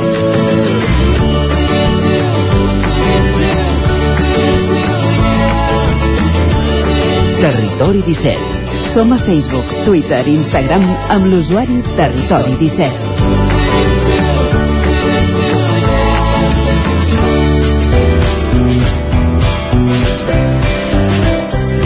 I com dèiem, el territori sostenible, com cada setmana amb Jordi Givert, des d'una codinenca, avui per conèixer una carbonera. Jordi, bon dia. Avui al Territori Sostenible volem parlar de carbó. Concretament ens acostarem a descobrir la mostra de carbonets de Cànoves. Per això tenim amb nosaltres a la Neus Massaguer. Ella és eh, presidenta de l'associació El Sui. Eh, ens explicarà eh, l'origen de la festa i què és el, el que organitzen. Uh, hola, uh, Neus, et tenim aquí amb nosaltres ja. Hola, bona tarda. Hola, Neus. Uh, mira, uh, ens ha interessat el, el projecte aquest que teniu de la mostra de carbonets aquí a Cànoves. Ens pots posar una mica en situació i, i explicar com surt, uh, com surt la idea de, de fer aquesta mostra ara que arribeu a la quinzena edició? Doncs això va començar oficialment sota programa l'any 91, però ja es havia fet una prova el 89, perquè a, a les muntanyes de, del nostre municipi doncs se són principalment és, hi ha llenya d'alzina, són alzinar el que hi ha, que és la llenya que té més poder calorífic, i que els nostres avis, parents i, i, i coneguts doncs molts es dedicaven a fer carbó a les muntanyes del Montseny. Uh -huh. Aleshores, doncs, és una tradició que l'any 56, amb l'aparició del, gra- del gas butà, doncs va desaparèixer el, amb l'aparició del gas butà va desaparèixer el, el, carbó, el, el, el fet de fer carbó i volíem recuperar una, una tradició. Nosaltres ho hem convertit en festa, però antigament era un ofici, l'ofici de carboner. Uh -huh. uh, clar, uh, també per ubicar-nos la, la vostra entitat es dedica a, a temes de, de recuperació de festes populars i, i de cultura popular, no? Exactament, sí, sí, vetllem per les nostres tradicions i, i bueno, això és una festa que hem recuperat. Uh, ens pots explicar una mica quin és el funcionament de, de la festa, què, què és el que podem veure? En primer lloc, el, el primer que fem eh, muntem ja fa dos caps de setmana que estem muntant l'estructura del que és eh, tallat a part de la pila carbonera que és el motiu de la festa. Eh, fem una exposició tenim una petita botigueta una mica de bar i tenim un espai per la gent que, que passa el dia allà a vetllar la pila. Aleshores aquests caps de setmana anteriors hem començat a fer això. El cap de setmana del 19 i el 20 comença oficialment sobre programa uh -huh. el que és la construcció de la barraca del carboner, que és el primer que feia el carboner quan arribava al bosc.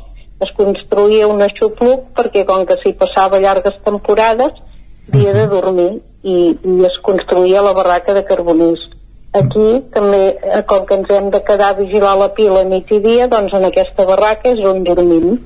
O sigui, us hi quedeu a dormir a dins la, la barraca mentre es dura la, la festa.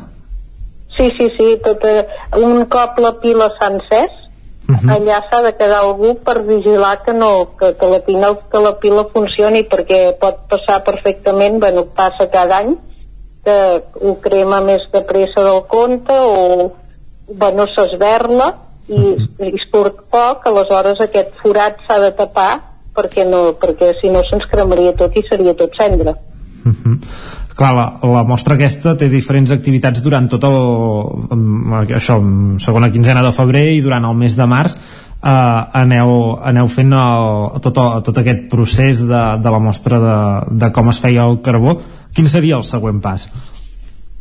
El següent pas, doncs el 25 i 26 comencem a triar la llenya, la llenya fem una plaça carbonera i al voltant posem la, els troncs per mides, els troncs més gruixuts són els que van al centre de la pila, després els més els de mida mitjana i després el, la branqueta, els, els més gruixuts buscalls, els vergells i, el, i, la, i la branqueta, que és l'últim que es posa, que és el tronc més prim.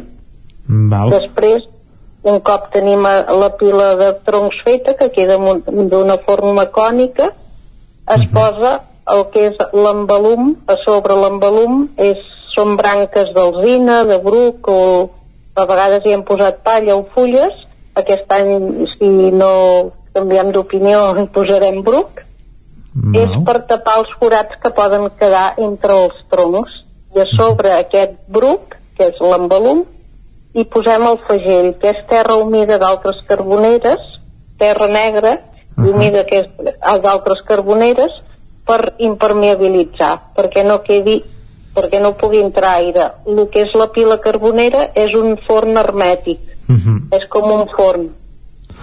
L'art del carboner consisteix en anar fent, obrint forats al voltant de la piró perquè respiri. Val, perquè vagi cremant a poc a poc, diguéssim, amb sumor, no? I, sí, i, quedi, sí, sí, sí. i quedi carbó al final. Exactament, ha, és, ha de fer una cocció molt lenta perquè, mm. perquè, perquè quedi carbó, exactament. I, i suposo que un dels dies grans és quan hi ha l'encesa d'aquesta pila. Uh, quan, quan serà això? La pila l'encendrem el dia 6 de març. Uh -huh. En Martí Boada vindrà serà la personalitat que vindrà a encendre. Normalment busquem persones vinculades al territori i que, bueno, que estimin la natura i, i que siguin properes i aquest any hem triat el Martí Boada. Al voltant de, de un cop encesa la pila, al voltant dels caps de setmana fem activitats paral·leles uh -huh. perquè per atraure públic perquè així es puguin veure tot el procés de la carbonera. Val, per, per exemple, el dia que ve Martí Boada presenta el seu llibre, no? Tinc entès? Exacte, sí, sí, poesia forestal. Uh -huh. A la tarda farà la presentació del llibre. Molt bé. De, clar, uh, l'enceneu el dia 6, però durant tot el mes esteu uh, fent uh, activitats en torn a, a l'encesa eh, de, la, de la pira i de, de la producció del, del carbó. Quins altres moments ens hem de, de fixar, eh, seguint una mica aquest procés de com es feia el carbó eh, antigament? Sí, aquesta pregunta ens la fan moltes vegades. Quin és el moment més maco per venir? Uh -huh. No hi ha un moment més maco ni més lleig. Tots són macos, perquè hi ha gent uh -huh. que pot tenir la possibilitat de venir cada cap de setmana i cada cap de setmana veuràs una cosa diferent la, la pila un cop està encesa va perdent, va perdent es va, es va encongint uh -huh. perquè es va reduint llavors cada setmana veus la pila d'una manera diferent és molt maco, tot el, tot el procés és molt maco i si teniu ocasió de venir eh, no us ho perdeu perquè, perquè val la pena llavors el, el, un cop encesa el dissabte dia 12 doncs fem una ruta teatralitzada que és la ruta de Carboners Uh -huh. eh, se'n cuiden d'organitzar el, el grup de teatre de l'associació Punt Teatre i s'hi pot apuntar qui, qui vulgui o sigui que, que voluntaris del poble de, de gent que, que vulgui participar no cal que siguin del grup de teatre es poden apuntar per fer alguna escena. Uh -huh. uh, Llavors, uh -huh. digues, digues. No anava a preguntar, uh, el, el següent pas uh, seria la construcció de, de la carbonera, uh, uh, quan aquesta pila es va encongint, entenc? No, la, la construcció ja s'ha fet. Ja s'ha fet, eh? La construcció, sí, la construcció és quan comencem a posar els troncs, Ja l'esteu- l'ull, Mhm. l'ull de la pila, que és com una gàbia, al Vale. voltant d'aquest ull s'han d'anar posant tots els troncs de la mida més gruixuda fins a la mida més prima. Després ho tapem amb l'embalum, que és la branca, Vale. i després hi posem la terra sobre. Això ja, ja queda construïda així, és la pila. Després s'encén i, i va coent fins que al final traiem el carbó. Vale. Que, que això ho feu a final de mes, no? Ho d'acabar de treure el Exacte. carbó? Mhm. Sí, el 26 i el 27 i el, i el, i el 27 ha d'estar tot tret. Vale. Sí, sí. Uh, Déu-n'hi-do, això porta molta feina. Quanta gent sou a, a l'organització, diguem-ne? Mira, eh, som molts, molts, molts voluntaris. Això és una cosa d'agrair perquè és una activitat que dura un mes i mig, dos mesos posa. La Junta de l'entitat portem més de mig any fent reunions preparatius quasi bé cada 15 dies, ara cada, quasi, quasi cada setmana.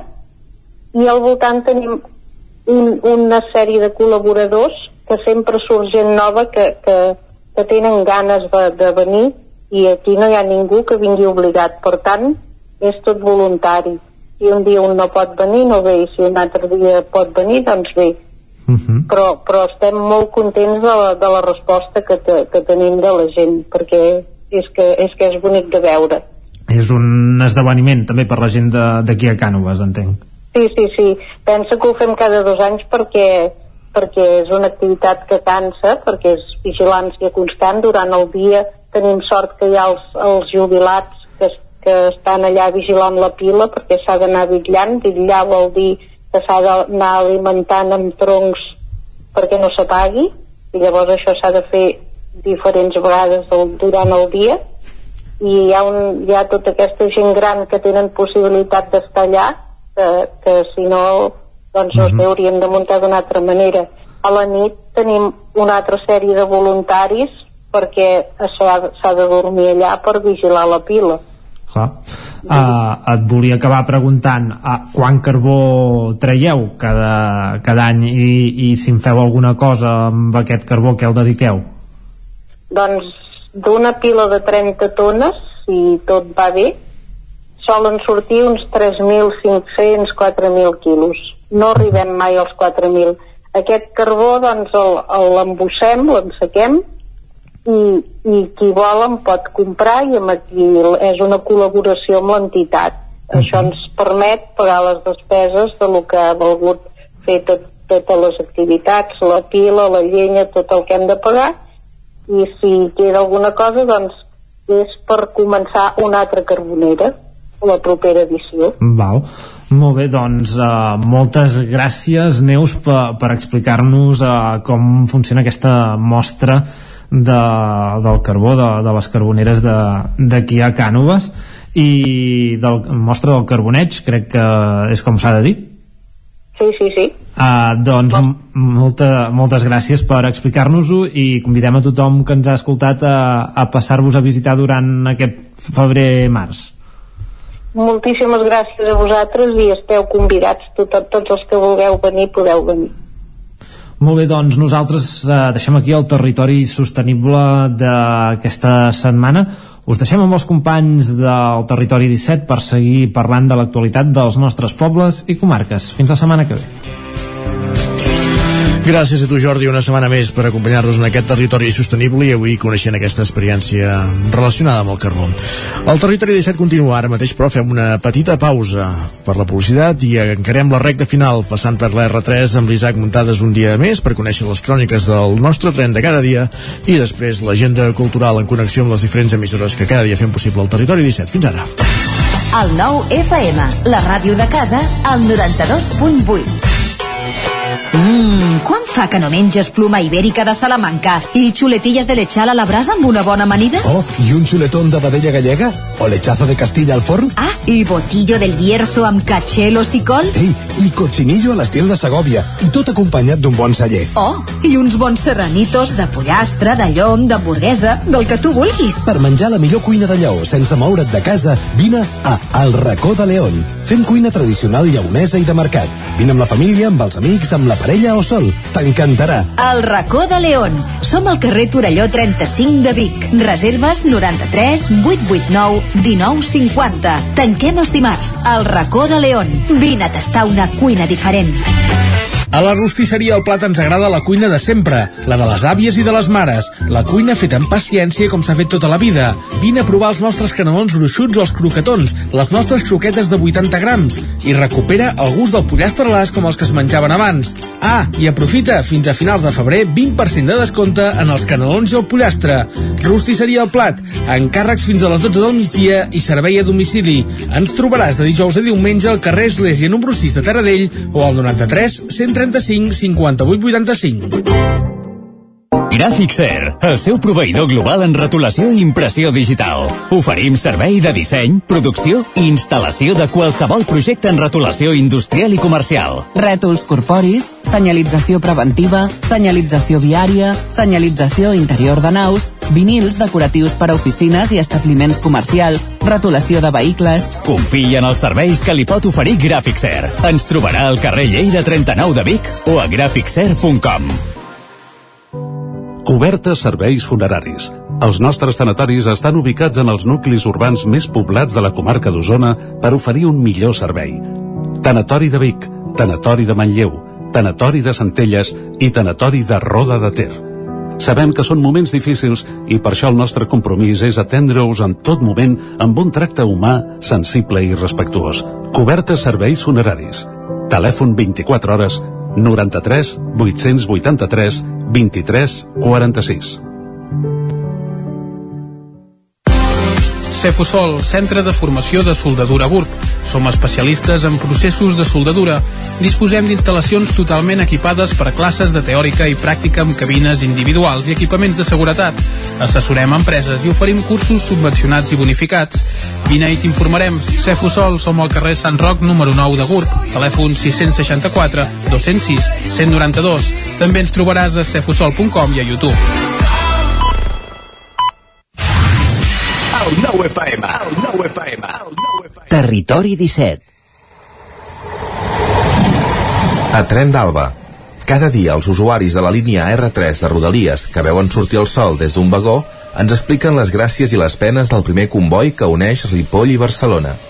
Benvinguts a Tren d'Alba. Bones i males notícies a l'R3 per igual. Actualment es troba en licitació el servei alternatiu entre les franqueres del Vallès i la Garriga de març a desembre d'enguany. La part positiva és que el servei es manté per uns quants mesos. La dolenta és que el plec no requereix específicament que el bus admeti cadires de rodes, cotxets, bicis o patinets. A més, el plec tampoc especifica amb exactitud el punt de parada a l'estació de les franqueses, on caldria prioritzar que el bus no hagués de donar la volta gairebé fins a Granollers per girar, sinó sortir ja encarat cap a la Garriga. Si cal, traient aparcaments. Escoltem la crònica d'en Carles Bassaganya que ens parla d'un dels vídeos més virals darrerament. Bon dia. Veia les imatges d'aquell accident múltiple al Maresme, em sembla que era la carretera C32, amb multituds de cotxes doncs, que van anar topant precisament bé arrel de la inclemència meteorològica i que s'ha anat taponant. I bé, un s'imagina l'avantatge que té de poder arribar a la feina o imaginem-nos també de que fos possible també gaudir de l'oci, poder anar amunt i avall, amb tren. Ja no és només per al tema medioambiental, sinó precisament per això, per la comparació i el venir al cap aquest accident múltiple que hi va haver al Maresme. Quina sort que tenim i tant de bo poguéssim utilitzar molt més sovint el tren. Bé, aquesta és una mica la reflexió d'avui. Novament, el tren bala de Rodalies 3. Adéu-siau, bon dia. Mireu, hi ha pel·lícules de zombis que tenen una pitjor ambientació i estan més mal gravades que el vídeo d'aquest accident. Sembla l'apocalipsi gairebé. El que queda clar és que la teoria de l'efecte dòmino es va dur a la pràctica a la perfecció. Va, ens retrobem demà amb més històries del tren i de la R3. I és que muntades, la, la ficció pot superar la realitat, però la realitat sempre és la realitat. Gràcies per un dia més aquesta, acostar-nos a aquesta secció del tren. Continuem amb més continguts al Territori 17.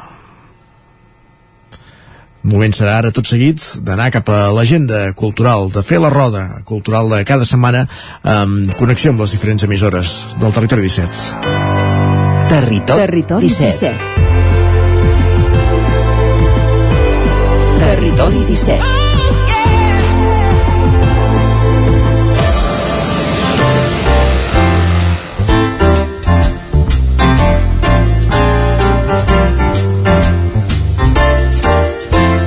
Dos, mig, dos minuts i mig que passen de dos quarts a dotze i ara, com dèiem, ens endinsem a aquesta roda cultural, a la roda per les diferents emissores del territori 17 per conèixer quines són les activitats culturals de les que podem gaudir en els propers dies a les nostres comarques. I comencem, com sempre, als estudis de Ràdio Televisió Cardedeu. Allà ens hi espera l'Òscar Muñoz per acostar-nos l'agenda del seu entorn, de Granollers, de Cardedeu, de Llinars. Òscar, tot teu. Doncs comencem el repàs cultural aquí dissabte a Cardedeu amb l'obra de teatre Lázaro, una adaptació del llibre clàssic del Lazarido de Tormes adaptada al segle XXI, on el Lázaro comparteix la seva vida i la litrona. Dissabte a les 8 del vespre al Teatre Auditori de Cardedeu podem trobar les entrades des de 5 euros. Diumenge tenim la presentació del conte solidari Màmiga per la lluita contra la ELA. Serà un conte contes presentat per Pep Plaza, l'home de les mil veus i la Fundació Miquel Valls i els autors del conte al Teatre Auditori de Cardedeu.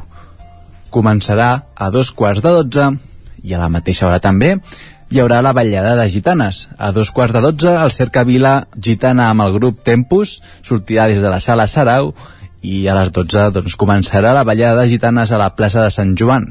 Hi haurà un petit refrigeri per tothom a l'acabar la ballada. A Llinars aquest cap de setmana hi haurà el Festival Zero, un festival espectacular que organitza els teatres en xarxa, dels quals el Teatre Auditori de Llinars en forma part i que promou els espectacles diferents per a un públic jove de proximitat i amb voluntat de deixar-se sorprendre. Així que comencem divendres a les 7, hi haurà l'espectacle multidisciplinar digital a l'Institut Geola, anomenat Container, és la teva oportunitat per jugar una partida sense conseqüències, iniciar sessió per traslladar l'odi que es crea a les xarxes socials a l'espai públic real, sense filtres ni censures. Trobarem aquest espectacle, doncs, com hem comentat, a l'Institut Geola, trobarem les entrades des de 8 euros. Diumenge hi haurà els dos últims, pel matí hi haurà l'espectacle de dansa als jardins del Teatre Auditori, amb l'obra Cosc, un duet de dansa per carrer, que això és una coreografia hipnòtica plena d'imatges suggerents del que poden fer dos cossos en constant equilibri. Trobarem les entrades des de 6 euros amb la taquilla anticipada i acabem diumenge a les 6 on ens portaran l'obra de teatre FAM que ens parlen de la pressió de la qual es someten sobretot les dones que tenen per encaixar en els seus cossos. Es parlarà de la sexualitat, de la gordofòbia, dels trastorns alimentaris, del racisme, en, entre altres temes. Trobarem les entrades des de 15 euros. A tot això ho trobarem a la web del Teatre Auditori de Llinars del Vallès. I acabem a Granollers amb dues activitats. Divendres tenim el descàrrega Forbat de l'Àlex Conde Trio, dins del 32è Festival de Jazz de Granollers i també divendres arriba amb entrades exaurides en Joan Dausà, que presentarà el seu nou disc Ho tenim tot, divendres a les 9 al Teatre Auditori de Granollers. Perfecte, doncs així acabem. Gràcies, Òscar.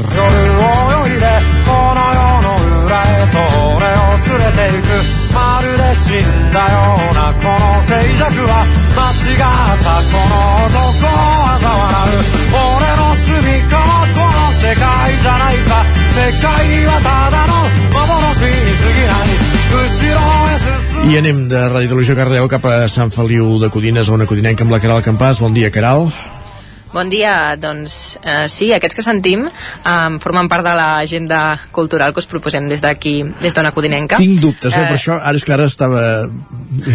Tinc dubtes de si l'hem encertat musicalment el nom del grup, perquè això que sona sí que és, eh, comparteix el grup amb els protagonistes que ens vols comentar, però si t'hi fixes eh, de fet jo estic llegint-ho els crèdits i estan en japonès i diria que és una banda japonesa també de música irlandesa que comparteixen nom i gènere amb, amb el grup català que, del qual ens vols parlar diria, però que no és el mateix D'acord, doncs fet aquest apunt eh, per, per ambientar una mica això sí, no? i per eh, això ens, ens apropa una mica el que, el que es podrà sentir, tot i que no siguin ells, aquest diumenge a les 7 de la tarda. Eh, és un concert organitzat per la Fundació Onco Vallès, un concert amb finalitats benèfiques, eh, al qual doncs, les entrades es, es destinaran a, a aquesta fundació.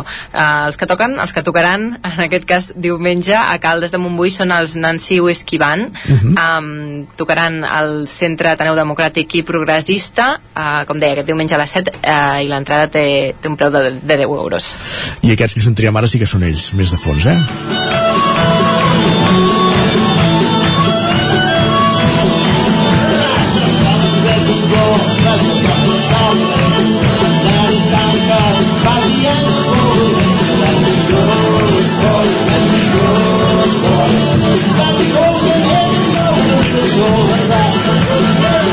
Doncs bé, després d'aquest creuament de dades en la nostra base de dades, ara sí podem continuar amb aquest concert, com deies, de la Nancy Whisky Van, aquest concert solidari d'aquest sí. cap de setmana.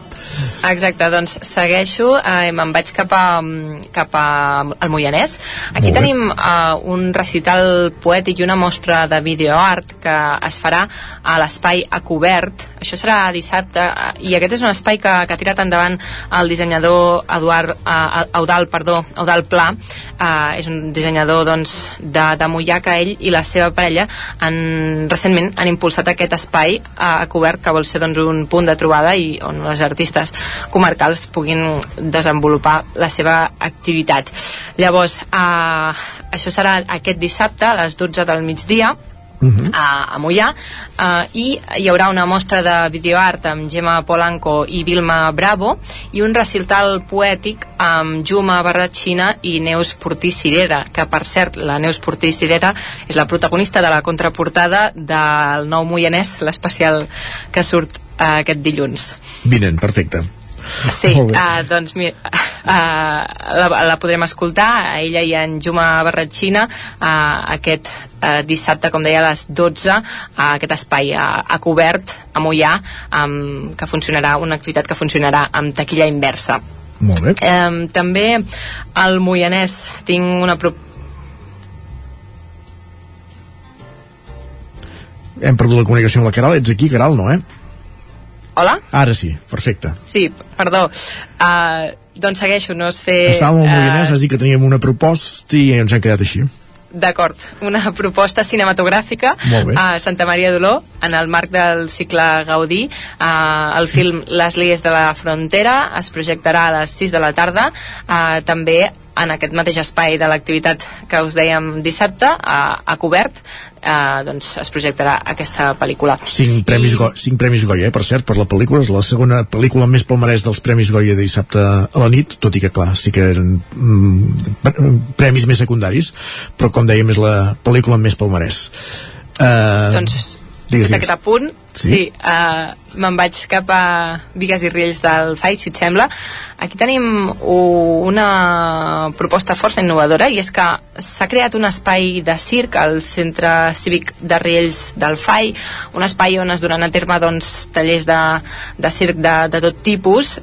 El circ, doncs, una, una branca doncs, de, de la cultura que també ha estat força um, deteriorada per culpa de la pandèmia, no? diguem-ho així. Um, doncs bé, a Vigues i Riells han decidit crear un espai per promoure el circ i aquest dissabte és la inauguració i hi ha com una mena de portes obertes. Serà de 4 a 7 de la tarda al Centre Cívic de Riells del Fai a càrrec de l'entitat que ho dinamitzarà, l'associació Tussica Circ. Molt bé. I me'n vaig a Sant Feliu de Codines. Aquí eh, tinc dues propostes, una proposta literària, literària i una altra teatral. Uh, la literària és la presentació del llibre El meu camí ignasià amb Miquel Àngel Ramos que serà demà divendres a les 8 del vespre al local del centre excursionista de Sant Feliu de Codines.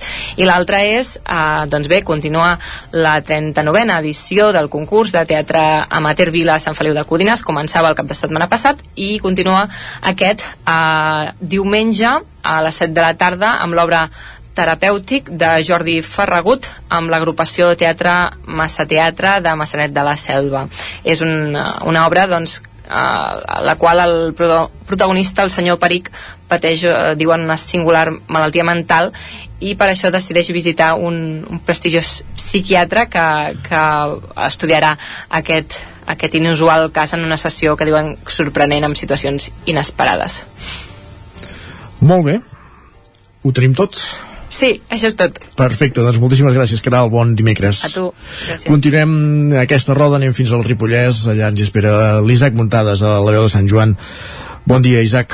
Bon dia. Doncs, si us sembla, comencem per aquí mateix, per Sant Joan de les Abadeses, on aquest divendres a les 6 de la tarda es farà el Club de Lectura de la Biblioteca Josep Picola al Palau de l'Abadia de Sant Joan de les Abadeses. Uh, anirà sobre el llibre Maria i jo, de Miguel Gallardo, on l'autor dibuixa i explica doncs, el trastorn de l'espectre autista, més conegut com a TEA de la seva filla Maria, i bé, tindrem diversos convidats, hi haurà la presència de Joan Capdevila de la Biblioteca Lambert Mata, també Dolors Vilalta de la Fundació Tutelar del Ripollès i una representant de la Fundació MAP, Cristina Casas, que també doncs, eh, hi col·labora. Uh, després, uh, ara que la defensa de la llengua catalana doncs, està en tots els telenotícies, això ho sabem, és, és latent i tothom en parla i també es comenta el tema del llenguatge inclusiu, no us podeu perdre la presentació d'un llibre que es farà aquest dissabte a dos quarts de dotze al migdia a Ripoll.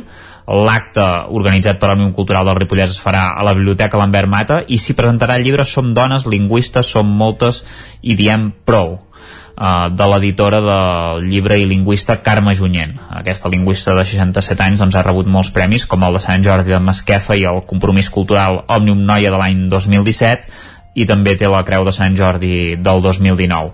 Ja sabeu que Junyent doncs, està en contra del llenguatge inclusiu forçat, com per exemple la repetició en femení d'una mateixa paraula, eh, com nens i nenes, que considera doncs, reiteratiu i, i que no s'hauria d'utilitzar, uh, perquè nens ja és neutre en aquest cas, o per exemple de la fórmula totis, uh, per no haver de dir tots. S'ha generat doncs, un debat important al, d'això, al voltant d'això, com sabeu, per tant, doncs, uh, amb l'autora del llibre, que també ha estat en, en moltes uh, aparicions mediàtiques a la televisió, doncs uh, us ho podrà comentar. No ens movem de Ripoll perquè el Teatre Comtal a dos quarts de vuit del vespre s'hi representarà l'obra Ovell, Ovelles de Iago Alonso i Carmen Marfà amb la presència de tres peros pesats de l'actuació com són Sara Espígol, Biel Duran i Eduard Buch L'entrada anticipada costa 12 euros i a taquilla 15 i es poden comprar a la web de Cultura de l'Ajuntament i una hora abans de l'espectacle. La premissa és que tots els animals de granja que podien heretar les ovelles eh, diuen que són les que molen més perquè són abraçables i bàsicament parla de la història d'en Víctor, l'Alba i l'Arnau, que són tres germans de Barcelona que es troben per decidir què fer amb una insòlita herència que són aquestes ovelles, però ben aviat s'adonaran del que semblava un regal caigut dels cels i pot capgirar la seva realitat uh, i aferrats a unes vides que no els satisfan s'enfrontaran una decisió que posarà a prova la seva relació com a germans. A veure si estan disposats doncs al cap de la fi a renunciar a tot per un ramat d'ovelles. És una reflexió en clau d'humor sobre la frustració d'una generació doncs, marcada per la crisi econòmica i de com fer front a la decepció de la permanent necessitat de, de, la, de reinventar-nos. Uh, després, finalment, per acabar encara el Comtal de Ripoll, aquest diumenge a les 12 del migdia el grup de teatre Sol Solet de Can de Bànol presentarà La Rateta que és l'adaptació que ha fet la mateixa companyia de la mà del seu director Joan Murillo del conte infantil La rateta que escombrava a l'escaleta.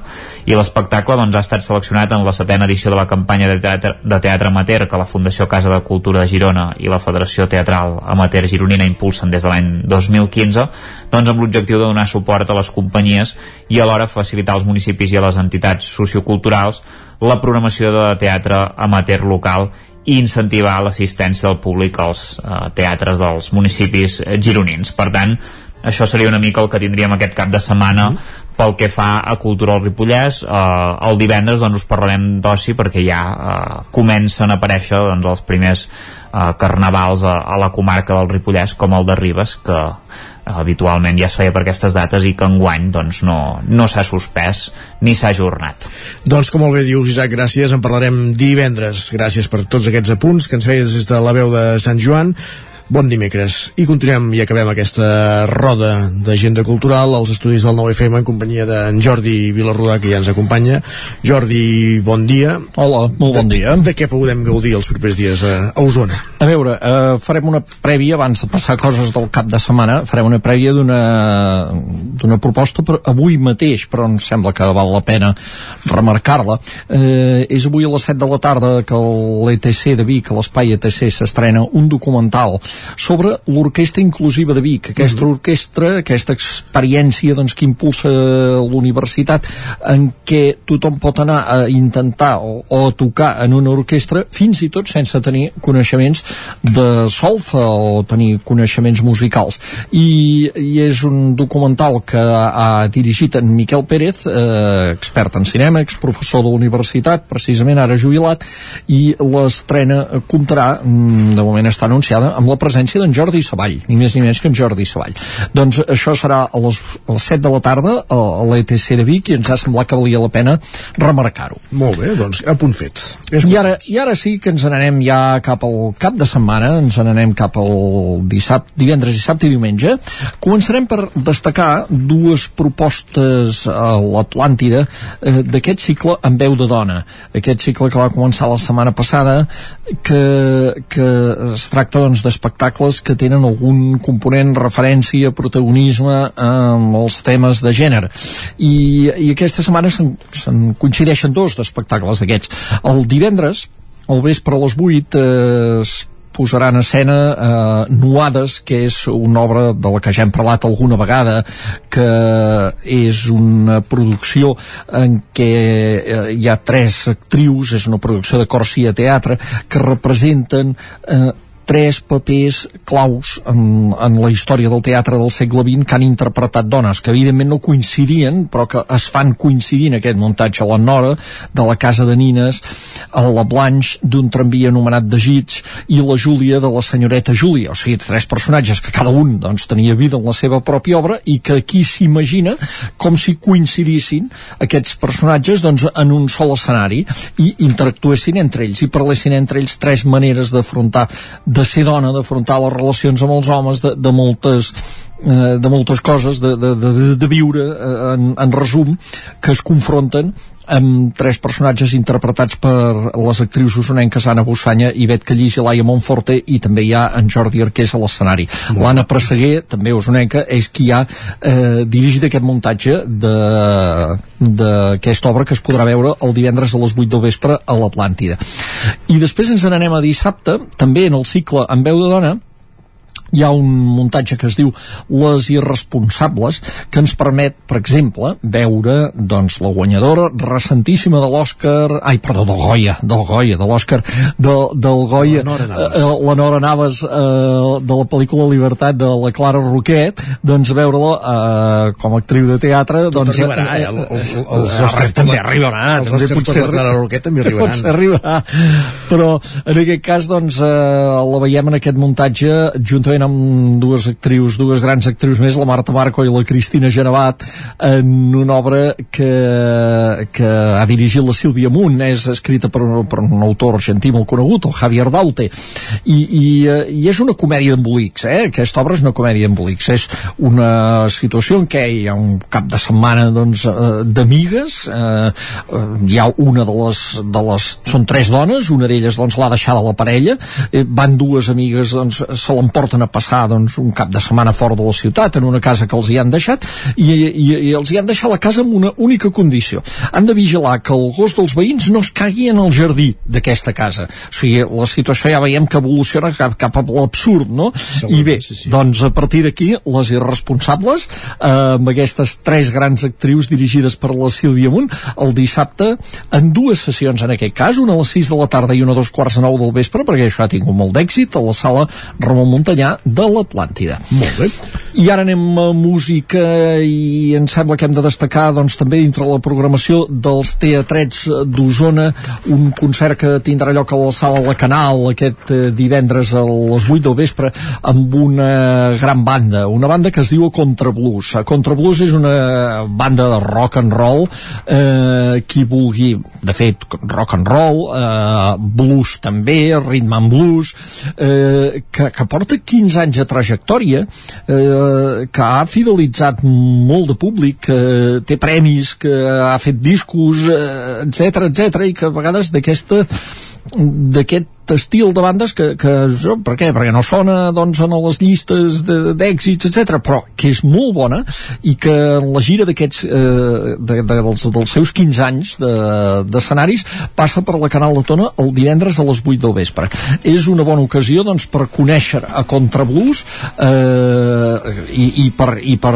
sentir-los i per veure doncs, una banda de guitarres de, de, amb, amb la veu extraordinària del seu cantant, el Jonathan Herrero i gaudir d'un bon concert de rock and roll. Where you gonna run to, Cinnamon? Where you gonna run to all of them? Well, I run to the rock. Please hide me, to the rock. Please hide me, to the rock. Please hide me, Lord. I Sinnerman, que és una de les seves cançons. I aquí els estàvem sentint. Correcte. Aquí en el seu moment més tranquil, aquí encara han d'entrar les guitarres fort. Ja eh? venen, ja. Uh, ja. Aquí, aquí, aquí.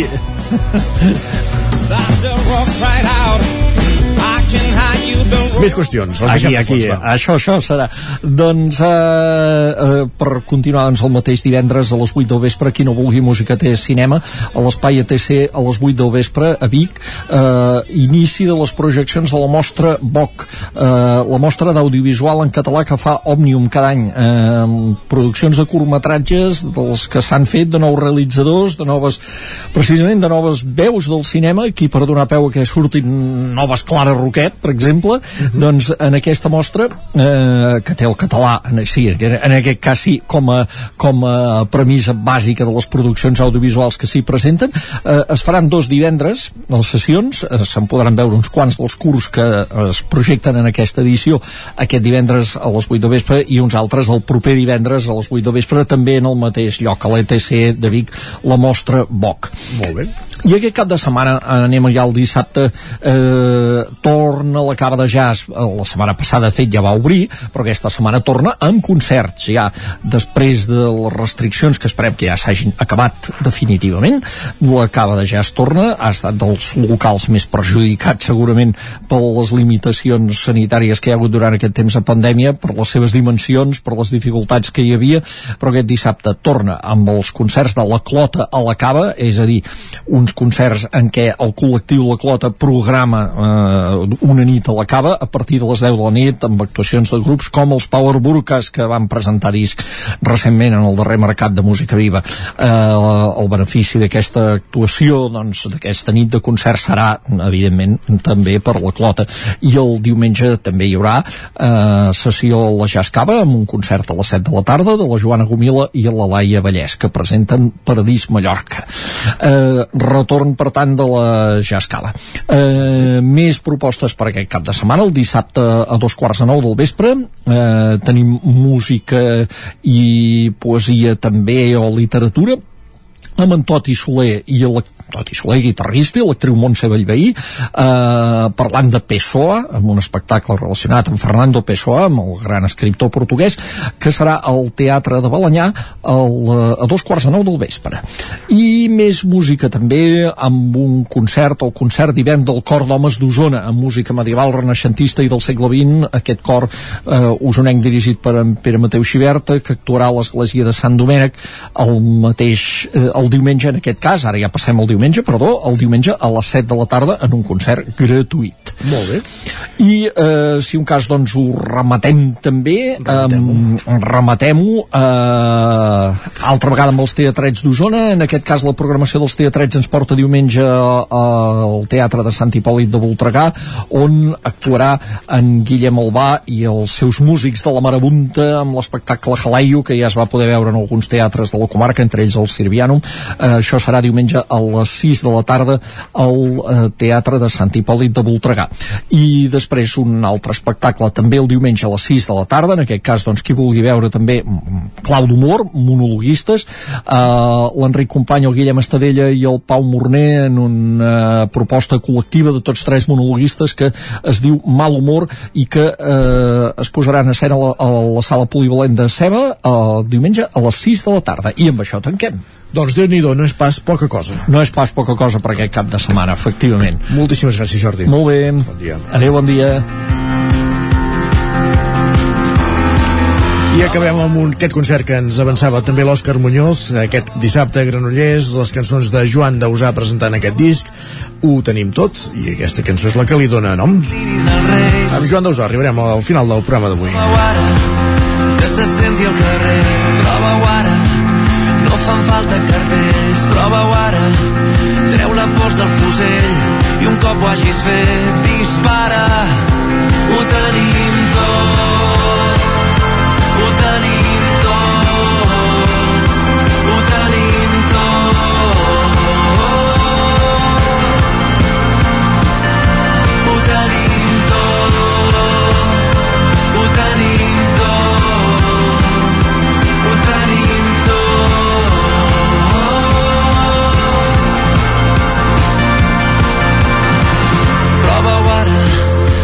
que rebenti el secret. Prova-ho ara, no pateixis per ells. Prova-ho ara, crida i salta del tren i torna a fer un cop més per si demà ja no hi és. Prova-ho ara, corre cama a través. Prova-ho ara, balla com si plogués. Prova-ho ara, enterra el dolor i un cop ho hagis fet, dispara. Ho tenim tot,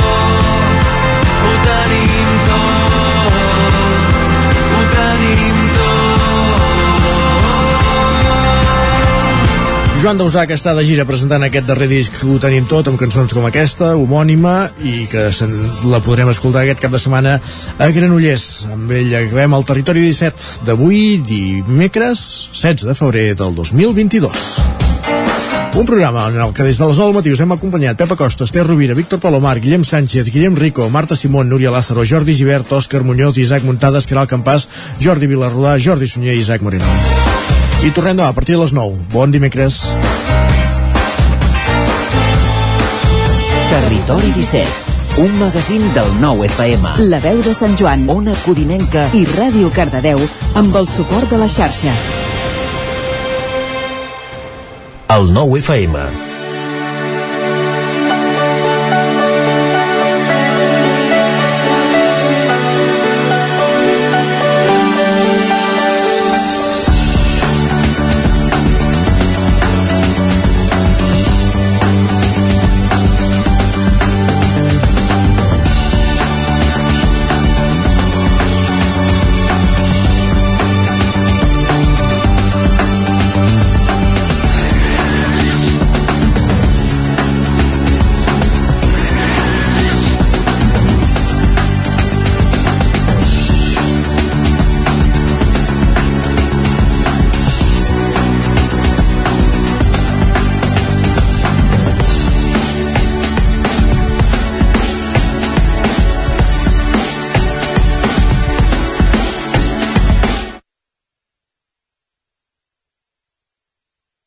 El nou FM, la ràdio d'Osona.